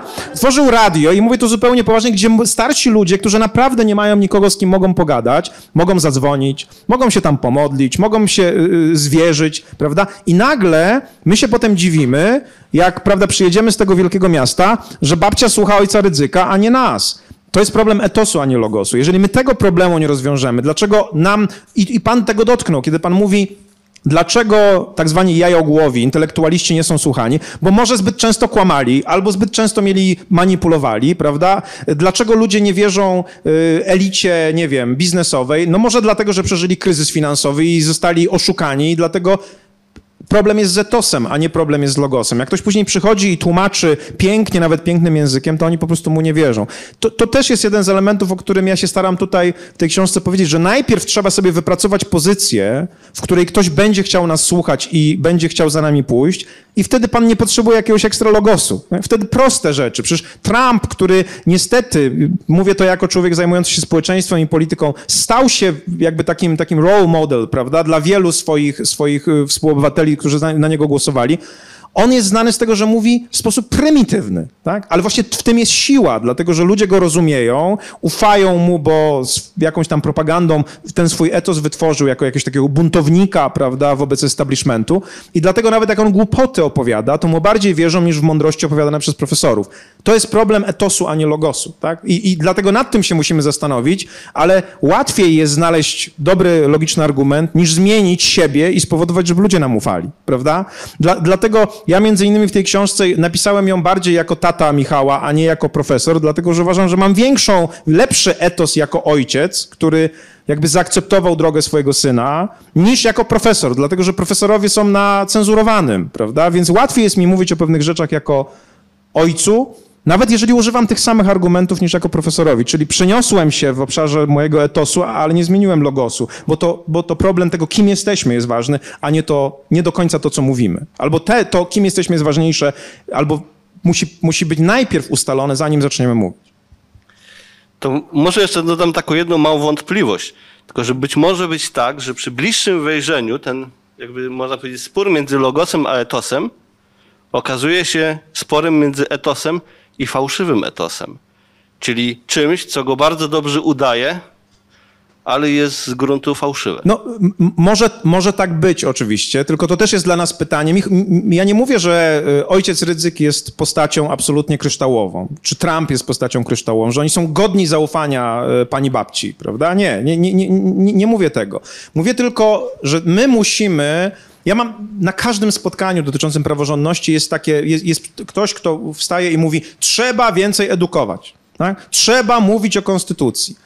No więc przepraszam, ja jestem oczywiście pierwszy do tego, ale to nie wystarczy, dlatego że to jest tylko logos. Tak? To jest tylko logos, to jest tylko argument, który, który jeżeli ktoś patrzy na nas i uważa, że jesteśmy zdrajcami, nie jesteśmy, patriot, jesteśmy patriotami, to, to w ogóle to nic nie da, prawda? Więc najpierw ja muszę się zająć tym, żebym znalazł w ogóle jakąś platformę komunikacyjną z tymi ludźmi, i wtedy będzie łatwiej. A jeżeli się skupiam tylko na argumencie i się wkurzam, że, oni że nie daje mi się ich przekonać, czyli pokonać w pewnym sensie intelektualnie, to to do niczego nie prowadzi. Więc chodzi mi, bez względu na to, czy to jest fałszywy etos, czy jest... Ma pan rację, on często jest fałszywy, on jest i on jest przeszkodą dla logosu naszego, więc nie ma sensu skupiać się na logosie, trzeba się skupić na etosie i zastanowić się, co zrobić, żeby takie sytuacje się nie powtarzały, żeby y, tego fałszywego etosu nie było i żeby był prawdziwy nasz. Dobrze, to do trzech razy sztuka. E, w takim razie pojawiła mi się dodatkowa wątpliwość, bo to się tak zastanawiam. Największą różnicą między logosą, który ja uważam za znaczącą część tego etosu, jest stosunek do prawdy. Otóż wydaje mi się, że z współczesnego etosu prawda jako wartość sama w sobie, jako coś, za co można poświęcić życie, e, trochę wyszła z obiegu. Inaczej mówiąc, zbyt dużo ludzi świetnie funkcjonuje kłamiąc, i zbyt wielu ludzi jest w stanie im to wybaczyć, nawet wiedząc, że oni kłamią. Nie? Czy gdyby przeciągnąć tą prawdę z powrotem do centrum etosu, to i logos na tym by nie zyskał. Ale wie pan, to, to, to, jest, to, jest, to jest troszeczkę dyskusja teoretyczna, bo y, jest bardzo trudno zweryfikować to, co ludzie mówią. Ale faktem społecznym jest to, że komuś ludzie ufają, a komuś nie ufają. I trzeba po prostu zrobić rachunek sumienia. Ja tylko tyle mam do powiedzenia. Dlaczego mi nie ufają? Jeżeli jestem politykiem, jeżeli jesteśmy, jestem profesorem, jeżeli jestem bankierem, no nieraz ten rachunek sumienia jest bardzo prosty, tak? Bo niestety zrobiłeś, albo twoja profesja zrobiła coś społeczeństwu, czego się po prostu nie wybacza. Ale trzeba od tego zacząć i te rozważania, czy prawda jest elementem istotnym dla etosu, czy prawdomówność, prawda, czy nie, to są takie rozważania, więc o tym, o tym musimy rozmawiać. A my najczęściej rozmawiamy tylko o argumencie i o edukacji, a nie o tym, kto prezentuje argument, e, albo jak zbudować swoją pozycję, żeby ten argument był bardziej skuteczny. Ja mam tutaj takie pytanie, może troszkę prostsze od naszych y, y, widzów, aczkolwiek myślę, że ono dotyczy zaufania. To znaczy, to, to jest pytanie, które wróciło u, u y, kilku osób, które nas oglądają. Y, to znaczy o taką książkę, którą, y, która pana jakoś mocno kształtowała, kiedy pan dorastał jako chłopak, y, czyli trochę później niż hak może. komu pan ufał wtedy jako młody chłopak? Co to była, co to mogła być za książka? E, myślę, że to były, to wtedy były książki, to chyba część z nich to były na pewno lektury szkolne. Ja należę do tej dziwnej grupy, która nie cierpiała bardzo czytając lektury, lektury szkolne. I z tego, co pamiętam, to wydaje mi się, że dla mnie pewne jakieś takie postaci bohaterów były dosyć, dosyć istotne i to w różnych, w różnych miejscach. Znaczy, nie wiem, ale ja, ja bardzo zawsze lubiłem bohaterów, którzy znowu mają w sobie pewną różnorodność, prawda? Czyli, nie wiem, no Kmicic jest przykładem takiego bohatera, prawda? Nasze społeczeństwo już obecnie nie wybacza. Znaczy, współcześnie Kmicic nie miałby szans w naszym społeczeństwie, prawda? Raz zdradziłeś, jesteś skancelowany, prawda? Nie, nie, nie, ma szans na to, żeby wrócić później jako bohater. Czy na przykład no, Jacek Soplica... Tylko politykom ksiądz, wybaczamy jakoś. Ksiądz Robak, prawda? Zwróćcie uwagę, że to są takie postacie jak Święty Piotr, tak? To są postaci złożone. To są postaci, które, jak mówi Sołżenicyn, w których, które nie są ani dobre, ani złe, tylko ta, ta, ta linia oddzielająca dobro i zło biegnie przez ich serce. To są prawdziwi ludzie, prawda? Wydaje mi się, że dla mnie też takim autorem e, był Dostojewski, e, który właśnie też prezentuje takich ludzi. Dlatego to jest tak wielki pisarz są tak potężne powieści, ja tam Braci Karamazow, chociaż akurat Braci Karamazow później przeczytałem, tam umieściłem na tej liście, bo tam są pełno krwiści ludzie, tak? Ale w tym sensie moralnym, to znaczy i źli, i dobrzy jednocześnie, prawda? A nie czarno-biali, jak nam się to próbuje pokazać. I to, to jest dla mnie dosyć ważne, żeby, żeby zrozumieć, że każdy z nas jest taki. Tak? I to znowu wracam do tej różnorodności. Natomiast wydaje mi się, że to takie poczucie, e, które czytanie tych takich, i może tutaj jest jakaś racja w tym, że powieści mogą nas czegoś ciekawego nauczyć. Wydaje mi się, że trzeba czytać powieści o wielkich czynach i o wielkich bohaterach, bo to jakby pozwala człowiekowi y, myśleć o tym, żeby sobie też jakiś taki cel w życiu wyznaczyć, prawda? Mam wrażenie, że też na tym kampusie dostałem takie pytanie, które ciągle mnie zastanawia i nie wiem, jak na nie odpowiedzieć. Dostałem pytanie, czy przeciętność już nie jest ok? Bo ja dużo mówiłem o tym, że trzeba, prawda, coś tam, czy przeciętność nie jest ok. No wydaje mi się, że nie jest ok, prawda? Chociaż być może jest wiele osób, które uważają, że jest. Może się boją tego, że jakieś takie wyzwanie do jakiegoś działania czy do bohaterstwa to właśnie jest naruszenie ich bezpieczeństwa psychicznego, dlatego że mogą się poczuć źle z tym. No więc wydaje mi się, że moje lektury pokazały mi to, że, że przeciętność nie jest ok, że fajnie jest być nieprzeciętnym, że, że, że przynajmniej jest dobrze mierzyć trochę wyżej, prawda? I, i mo, może to jest jakiś taki element tych, tych takich klasycznych absolutnie powieści, które, które, które ja wtedy czytałem, głównie za, głównie za, za sprawą szkoły. To jeszcze trochę w kontekście tej męskiej młodości. Czy, czy są takie książki, o które pan się z Michałem spiera? To znaczy czytacie i, i czytacie je zupełnie inaczej? I, y, albo w ogóle, czy gadacie o książkach? Gadamy, tak, i gad, znaczy na pewno kiedyś więcej, prawda, bo to, to jest trochę tak, że dziecko wylatuje z gniazda, więc też już teraz mam wrażenie, nieraz to głównie ja poznaję Michała przez jego utwory, prawda, bo, bo jak nagrywa płytę, to częściej go słucham na swoim, w swoim samochodzie niż z nim rozmawiam, bo siedzi 14 godzin w studio. E, czy, czy roz, pamiętam, że kiedyś mieliśmy sporą dyskusję na temat kawki. I o tym tam chyba też piszę w tej książce. Jest, taka, jest takie opowiadanie kawki Kolonia Karna, e, której jest prawdopodobnie jakąś taką znowu głęboką metaforą chrześcijaństwa. Historia tej tego, tego opowiadania jest taka, że przyjeżdża jakby wizytator do kolonii karnej, gdzie akurat ma być wykonany wyrok na jakimś, prawda, podsądnym. No i okazuje się, że ten wyrok ma być wykonany w taki sposób, że jest taka brona, która jest wielką drukarką, która drukuje wyrok na plecach tego, tego człowieka, czy tak jakby wbijają się kolce, jakby go tatuowała tym wyrokiem. No więc jest oczywiście element winy, takiej nie wiadomo skąd pochodzącej, który u, Kawki jest bardzo, bardzo znany, przecież wiadomo, że w procesie on występuje, ale jednocześnie tam się pojawia motyw y, poświęcenia, to znaczy nagle się okazuje, że ten wizytator zastępuje tego, tego, tego, tego nie, nie wizytator, tylko, tylko e, ten, kto wykonuje wyrok, zastępuje skazańca. Więc jest tam jakiś element poświęcenia, oddania życia za kogoś innego. I pamiętam, że mieliśmy z Michałem taką rozmowę bardzo taką poruszającą, którą ja tutaj też opisuję, kiedy Michał, e, kiedyś on pisał pracę na temat tej, tej, tego, tego materiału, no więc trochę o tym rozmawialiśmy, a później po jednym z koncertów jakiś taki wytworzył się dziwny zwyczaj, że on wychodził bez koszulki do swoich, swoich fanów i podpisywał im się, ale oni zaczęli się podpisywać na jego plecach plecach. To znaczy nagle na plecach, prawda, tam kocham cię, prawda, i, i jakieś uśmieszki. I nagle są takie zdjęcia, na których całe jego plecy są pokryte tymi, tymi, tymi e, opisami. Pamiętam, że później Jakoś tak nam się wspólnie przypomniała ta kolonia karna, prawda? I on coś takiego powiedział, że mu się nieraz wydaje, że on ich wszystkich niesie na tych plecach, prawda? Tam podpisane. Bo to rzeczywiście wyglądało jak tatuaże, prawda? Na, na, na tych plecach. I ja mówię, że rzeczywiście coś jest tutaj na rzeczy, że, że, że on tam ich ma, prawda? Bo wiecie, to jest jakaś odpowiedzialność, kiedy ludzie zaczynają ci ufać i właśnie każde słowo spijają z twoich ust i w ogóle traktują cię jak półboga, jak wykonasz takie utwory. I, i to, było, to było takie znowu ciekawe zjawisko, kiedy książka, którą wspólnie czytaliśmy, o której rozmawialiśmy, nagle gdzieś tam zagrała w życiu jego, prawda? I rzeczywiście te, te, to zdjęcie jego tych pleców takich właśnie zarysowanych, jakby wytatuowanych tymi podpisami tych widzów, e, gdzieś tam mi w głowie zostało i to takie jego poczucie, że może on tego nie udźwignie, czyli nie udźwignie tych oczekiwań, nie udźwignie tego, tego, tego, tej, tej miłości fanów, która jest bardzo zmienna, tak? Wystarczy jeden ruch i już cię nienawidzą, prawda, bo mi się coś nie spodobało. No i myślę, że to, to, to jest dla mnie taka też piękna historia, która pokazuje, że ta wielka literatura, Kawka to oczywiście jest wielka literatura, ona jest dlatego wielka, że rezonuje z naszym życiem po prostu w takich sytuacjach, o których nawet byśmy nie pomyśleli. Więc ten, ten druk tymi bronami gdzieś tam w naszej głowie, głowie pozostał. Szanowni Państwo, naprawdę ostatnia okazja, bo zmierzamy do końca. Yy, dobrze. Pani o, pani yy, podniosła rękę. Max, jeśli możesz podać mikrofon, to poprosimy jeszcze. Dziękuję. E, ja właściwie nie wiem, jak sformułować moje pytanie. E, natomiast poruszył Pan e, kwestię wielkich czynów, dużej świadomości społecznej, dążenia do tego, ale z drugiej strony na przykład mamy mm, panią Barbarę Kruger, która mówi, że nie potrzebujemy następnego Herosa. To czy uważa Pan, że pan profesor, że bardziej optymalnym e, dyskursem społecznym e, byłby właśnie ten, że we don't need another hero, czy właśnie e, ten, który jest poruszany w wielu bajkach dla dzieci, żeby właśnie stawać się tym herosem?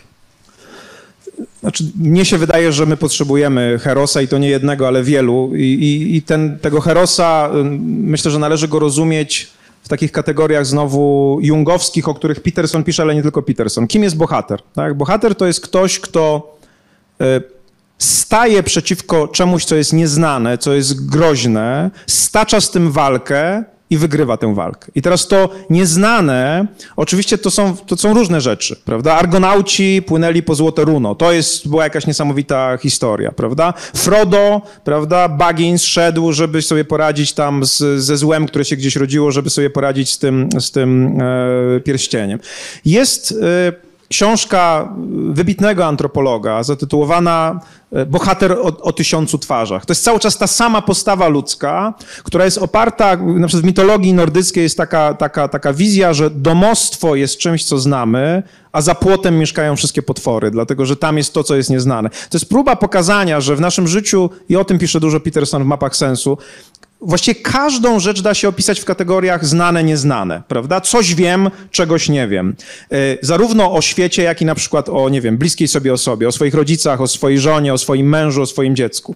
E, jest jakieś zło w świecie, na przykład, nie wiem, ludzie na coś chorują, z czymś sobie nie radzą, są zła wielkie i małe, nie wiem, psy bezdomne cierpią, prawda? Dzieci nie mają dobrej szkoły. I teraz Postawa Herosa to nie musi być postawa argonauty. Tak? To jest postawa kogoś, kto widzi zło, czyli coś nieznane i chce, chce to opanować. I to, to nie musi być nic wielkiego. Tak? Nie każdy z nas odkryje lek na raka. Tak? Ale każdy z nas ma w swoim życiu jakiś kawałek tego zła, z którym może powalczyć. Tak? Może to jest taki Skorpion, który nie ma tego, tego, tego, tego, tego swojego mm, żądła, ale jest jakieś zło. Nieraz ono jest bardzo prawdziwe. Więc ja myślę, że jeżeli, jeżeli zgodzimy się do tego, że postawa bohatera, jako ta taka archetypiczna postawa, to jest postawa kogoś, kto rozpoznaje jakiś obszar zła, czegoś, co jest chaosem, czegoś, co jest nieznane i próbuje to opanować, żeby, żeby i jemu, i innym było lepiej i wygrywa tę walkę, a jednocześnie sam się zmienia siebie, tak jak Pinokio, który też, prawda, się zmienił, tak jak każdy, no, Frodo się zmienił, prawda, każdy z tych bohaterów przechodzi tę przemianę, no to w tym, na tym polega sens życia. I myślę, że kiedy ktoś mówi, że nie potrzebujemy bohatera, to może myśli, Właśnie, że przeciętność też jest ok. Tyle tylko, że są bohaterowie w tej przeciętności, prawda? Ktoś, kto się opiekuje chorym dzieckiem, albo chorym rodzicem jest też bohaterem, tak? Bo to też jest jakiś obszar zła i nieznany, obszar, z którym trudno sobie poradzić. I wielu ludzi z tym przegrywa, a ktoś wygrywa, tak? Dlatego, że trwa do końca, prawda? Ktoś, kto pracuje w hospicjum, jest bohaterem. Tak? Tu nie chodzi o to, żeby to było wielkie zło, może być mniejsze, ale zło jest złem po prostu i każda walka stoczona z tym obszarem, kawałkiem świata wygrana przemienia świat i przemienia, przemienia mnie samego. Więc te wielkie historie bohaterów, o których mówimy, one są tylko znowu takimi egzemplifikacjami, użyjmy nominalizacji. One są takim najwyższym przykładem, symbolem tego, co każdy z nas w swoim życiu przeżywa. Ja na przykład się czuję bohaterem, przepraszam, tak powiem, w nauce. Znaczy chcę dokonać odkrycia ważnego, chcę zrozumieć, jak działa język i to nie będzie pewnie jakoś spektakularne, tak? E, na pewno to nie będzie takie spektakularne jak sukcesy mojego syna. Fryderyka za to nie dostanę pewnie. Ale chciałbym to zrobić i, i, czuję się małym bohaterem w tym, w tym, bo mam jakiś kawałek świata nieznany, chciałbym, żeby on się stał znany. I w tym sensie bohaterstwo, właśnie w tym archetypicznym sensie tego słowa, moim zdaniem, jest nam potrzebne. Nawet jeżeli to nie musi być bohaterstwo takie wielkie czy, czy niecodzienne. Mówił Pan o bohaterstwie, o prawdzie, o wolności, o autorytaryzmie, o, o, yy, o, książkach, które tych wielkich spraw dotyczą. To może na koniec zapytam Pana o taką jedną ważną książkę o miłości. Ojej. Mm, nie, nie mówiliśmy o poezji. Dzisiaj y, ja mówiłem też o tym, że poezja jest ważna. E, I ja mam wielu ulubionych czy ukochanych poetów, którzy o miłości oczywiście y, pisali. E, uważam, że takim poetą być może najwybitniejszym, jakiego mieliśmy, był Krzysztof Kamil Baczyński. E, I na przykład ja uwielbiam czytać jego wiersze sprzed wojny. To znaczy, bo one pokazują jakby kim on mógł być, prawda? Bo te wojenne są oczywiście strasznie mroczne, natomiast mm, te, te przedwojenne są właśnie pełne światła, pełne ciepła, prawda? I takie e, jakieś bardzo dotykające, e, dotykające serca. No a poza tym, no nie wiem, no ja nie jestem jakimś takim strasznie rozczulającym się człowiekiem. Może trochę mnie pani zaskoczyła tym pytaniem o, o, miłość. Można powiedzieć, że wszystkie piosenki są o miłości, nawet jeżeli, jeżeli nie są.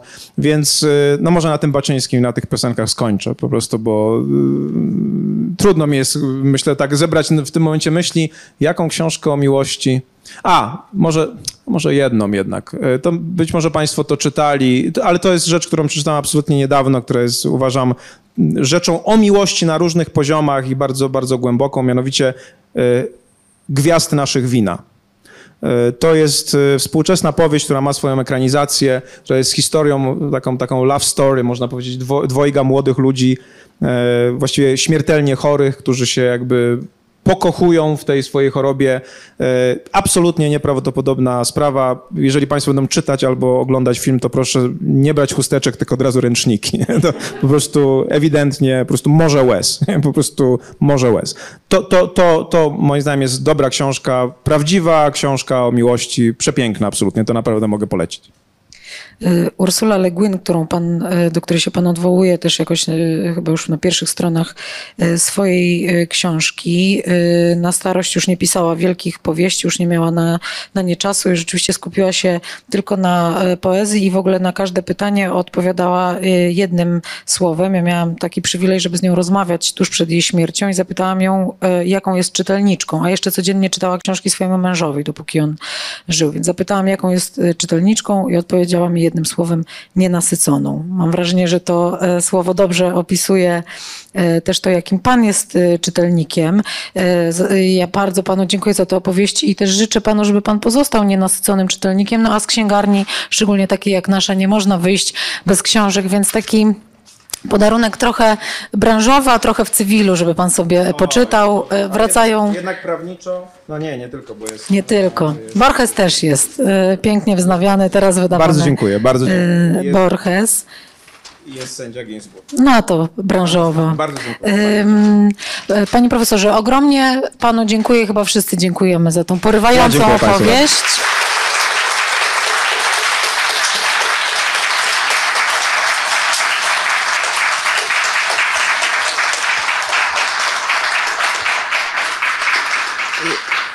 Ja bardzo dziękuję Państwu, którzy z nami byli i- są wciąż w Big Book Cafe i e, naszym widzom.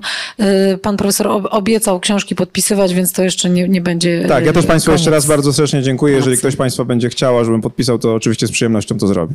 Zapraszamy, to zaproszenie ro- rozszerzamy także na naszych e, widzów. Książki są, pan profesor jest, także korzystajmy jeszcze i dziękujemy serdecznie. E, Możemy, możemy tu. Dziękujemy Państwu serdecznie, zapraszamy po więcej e, w najbliższej przyszłości.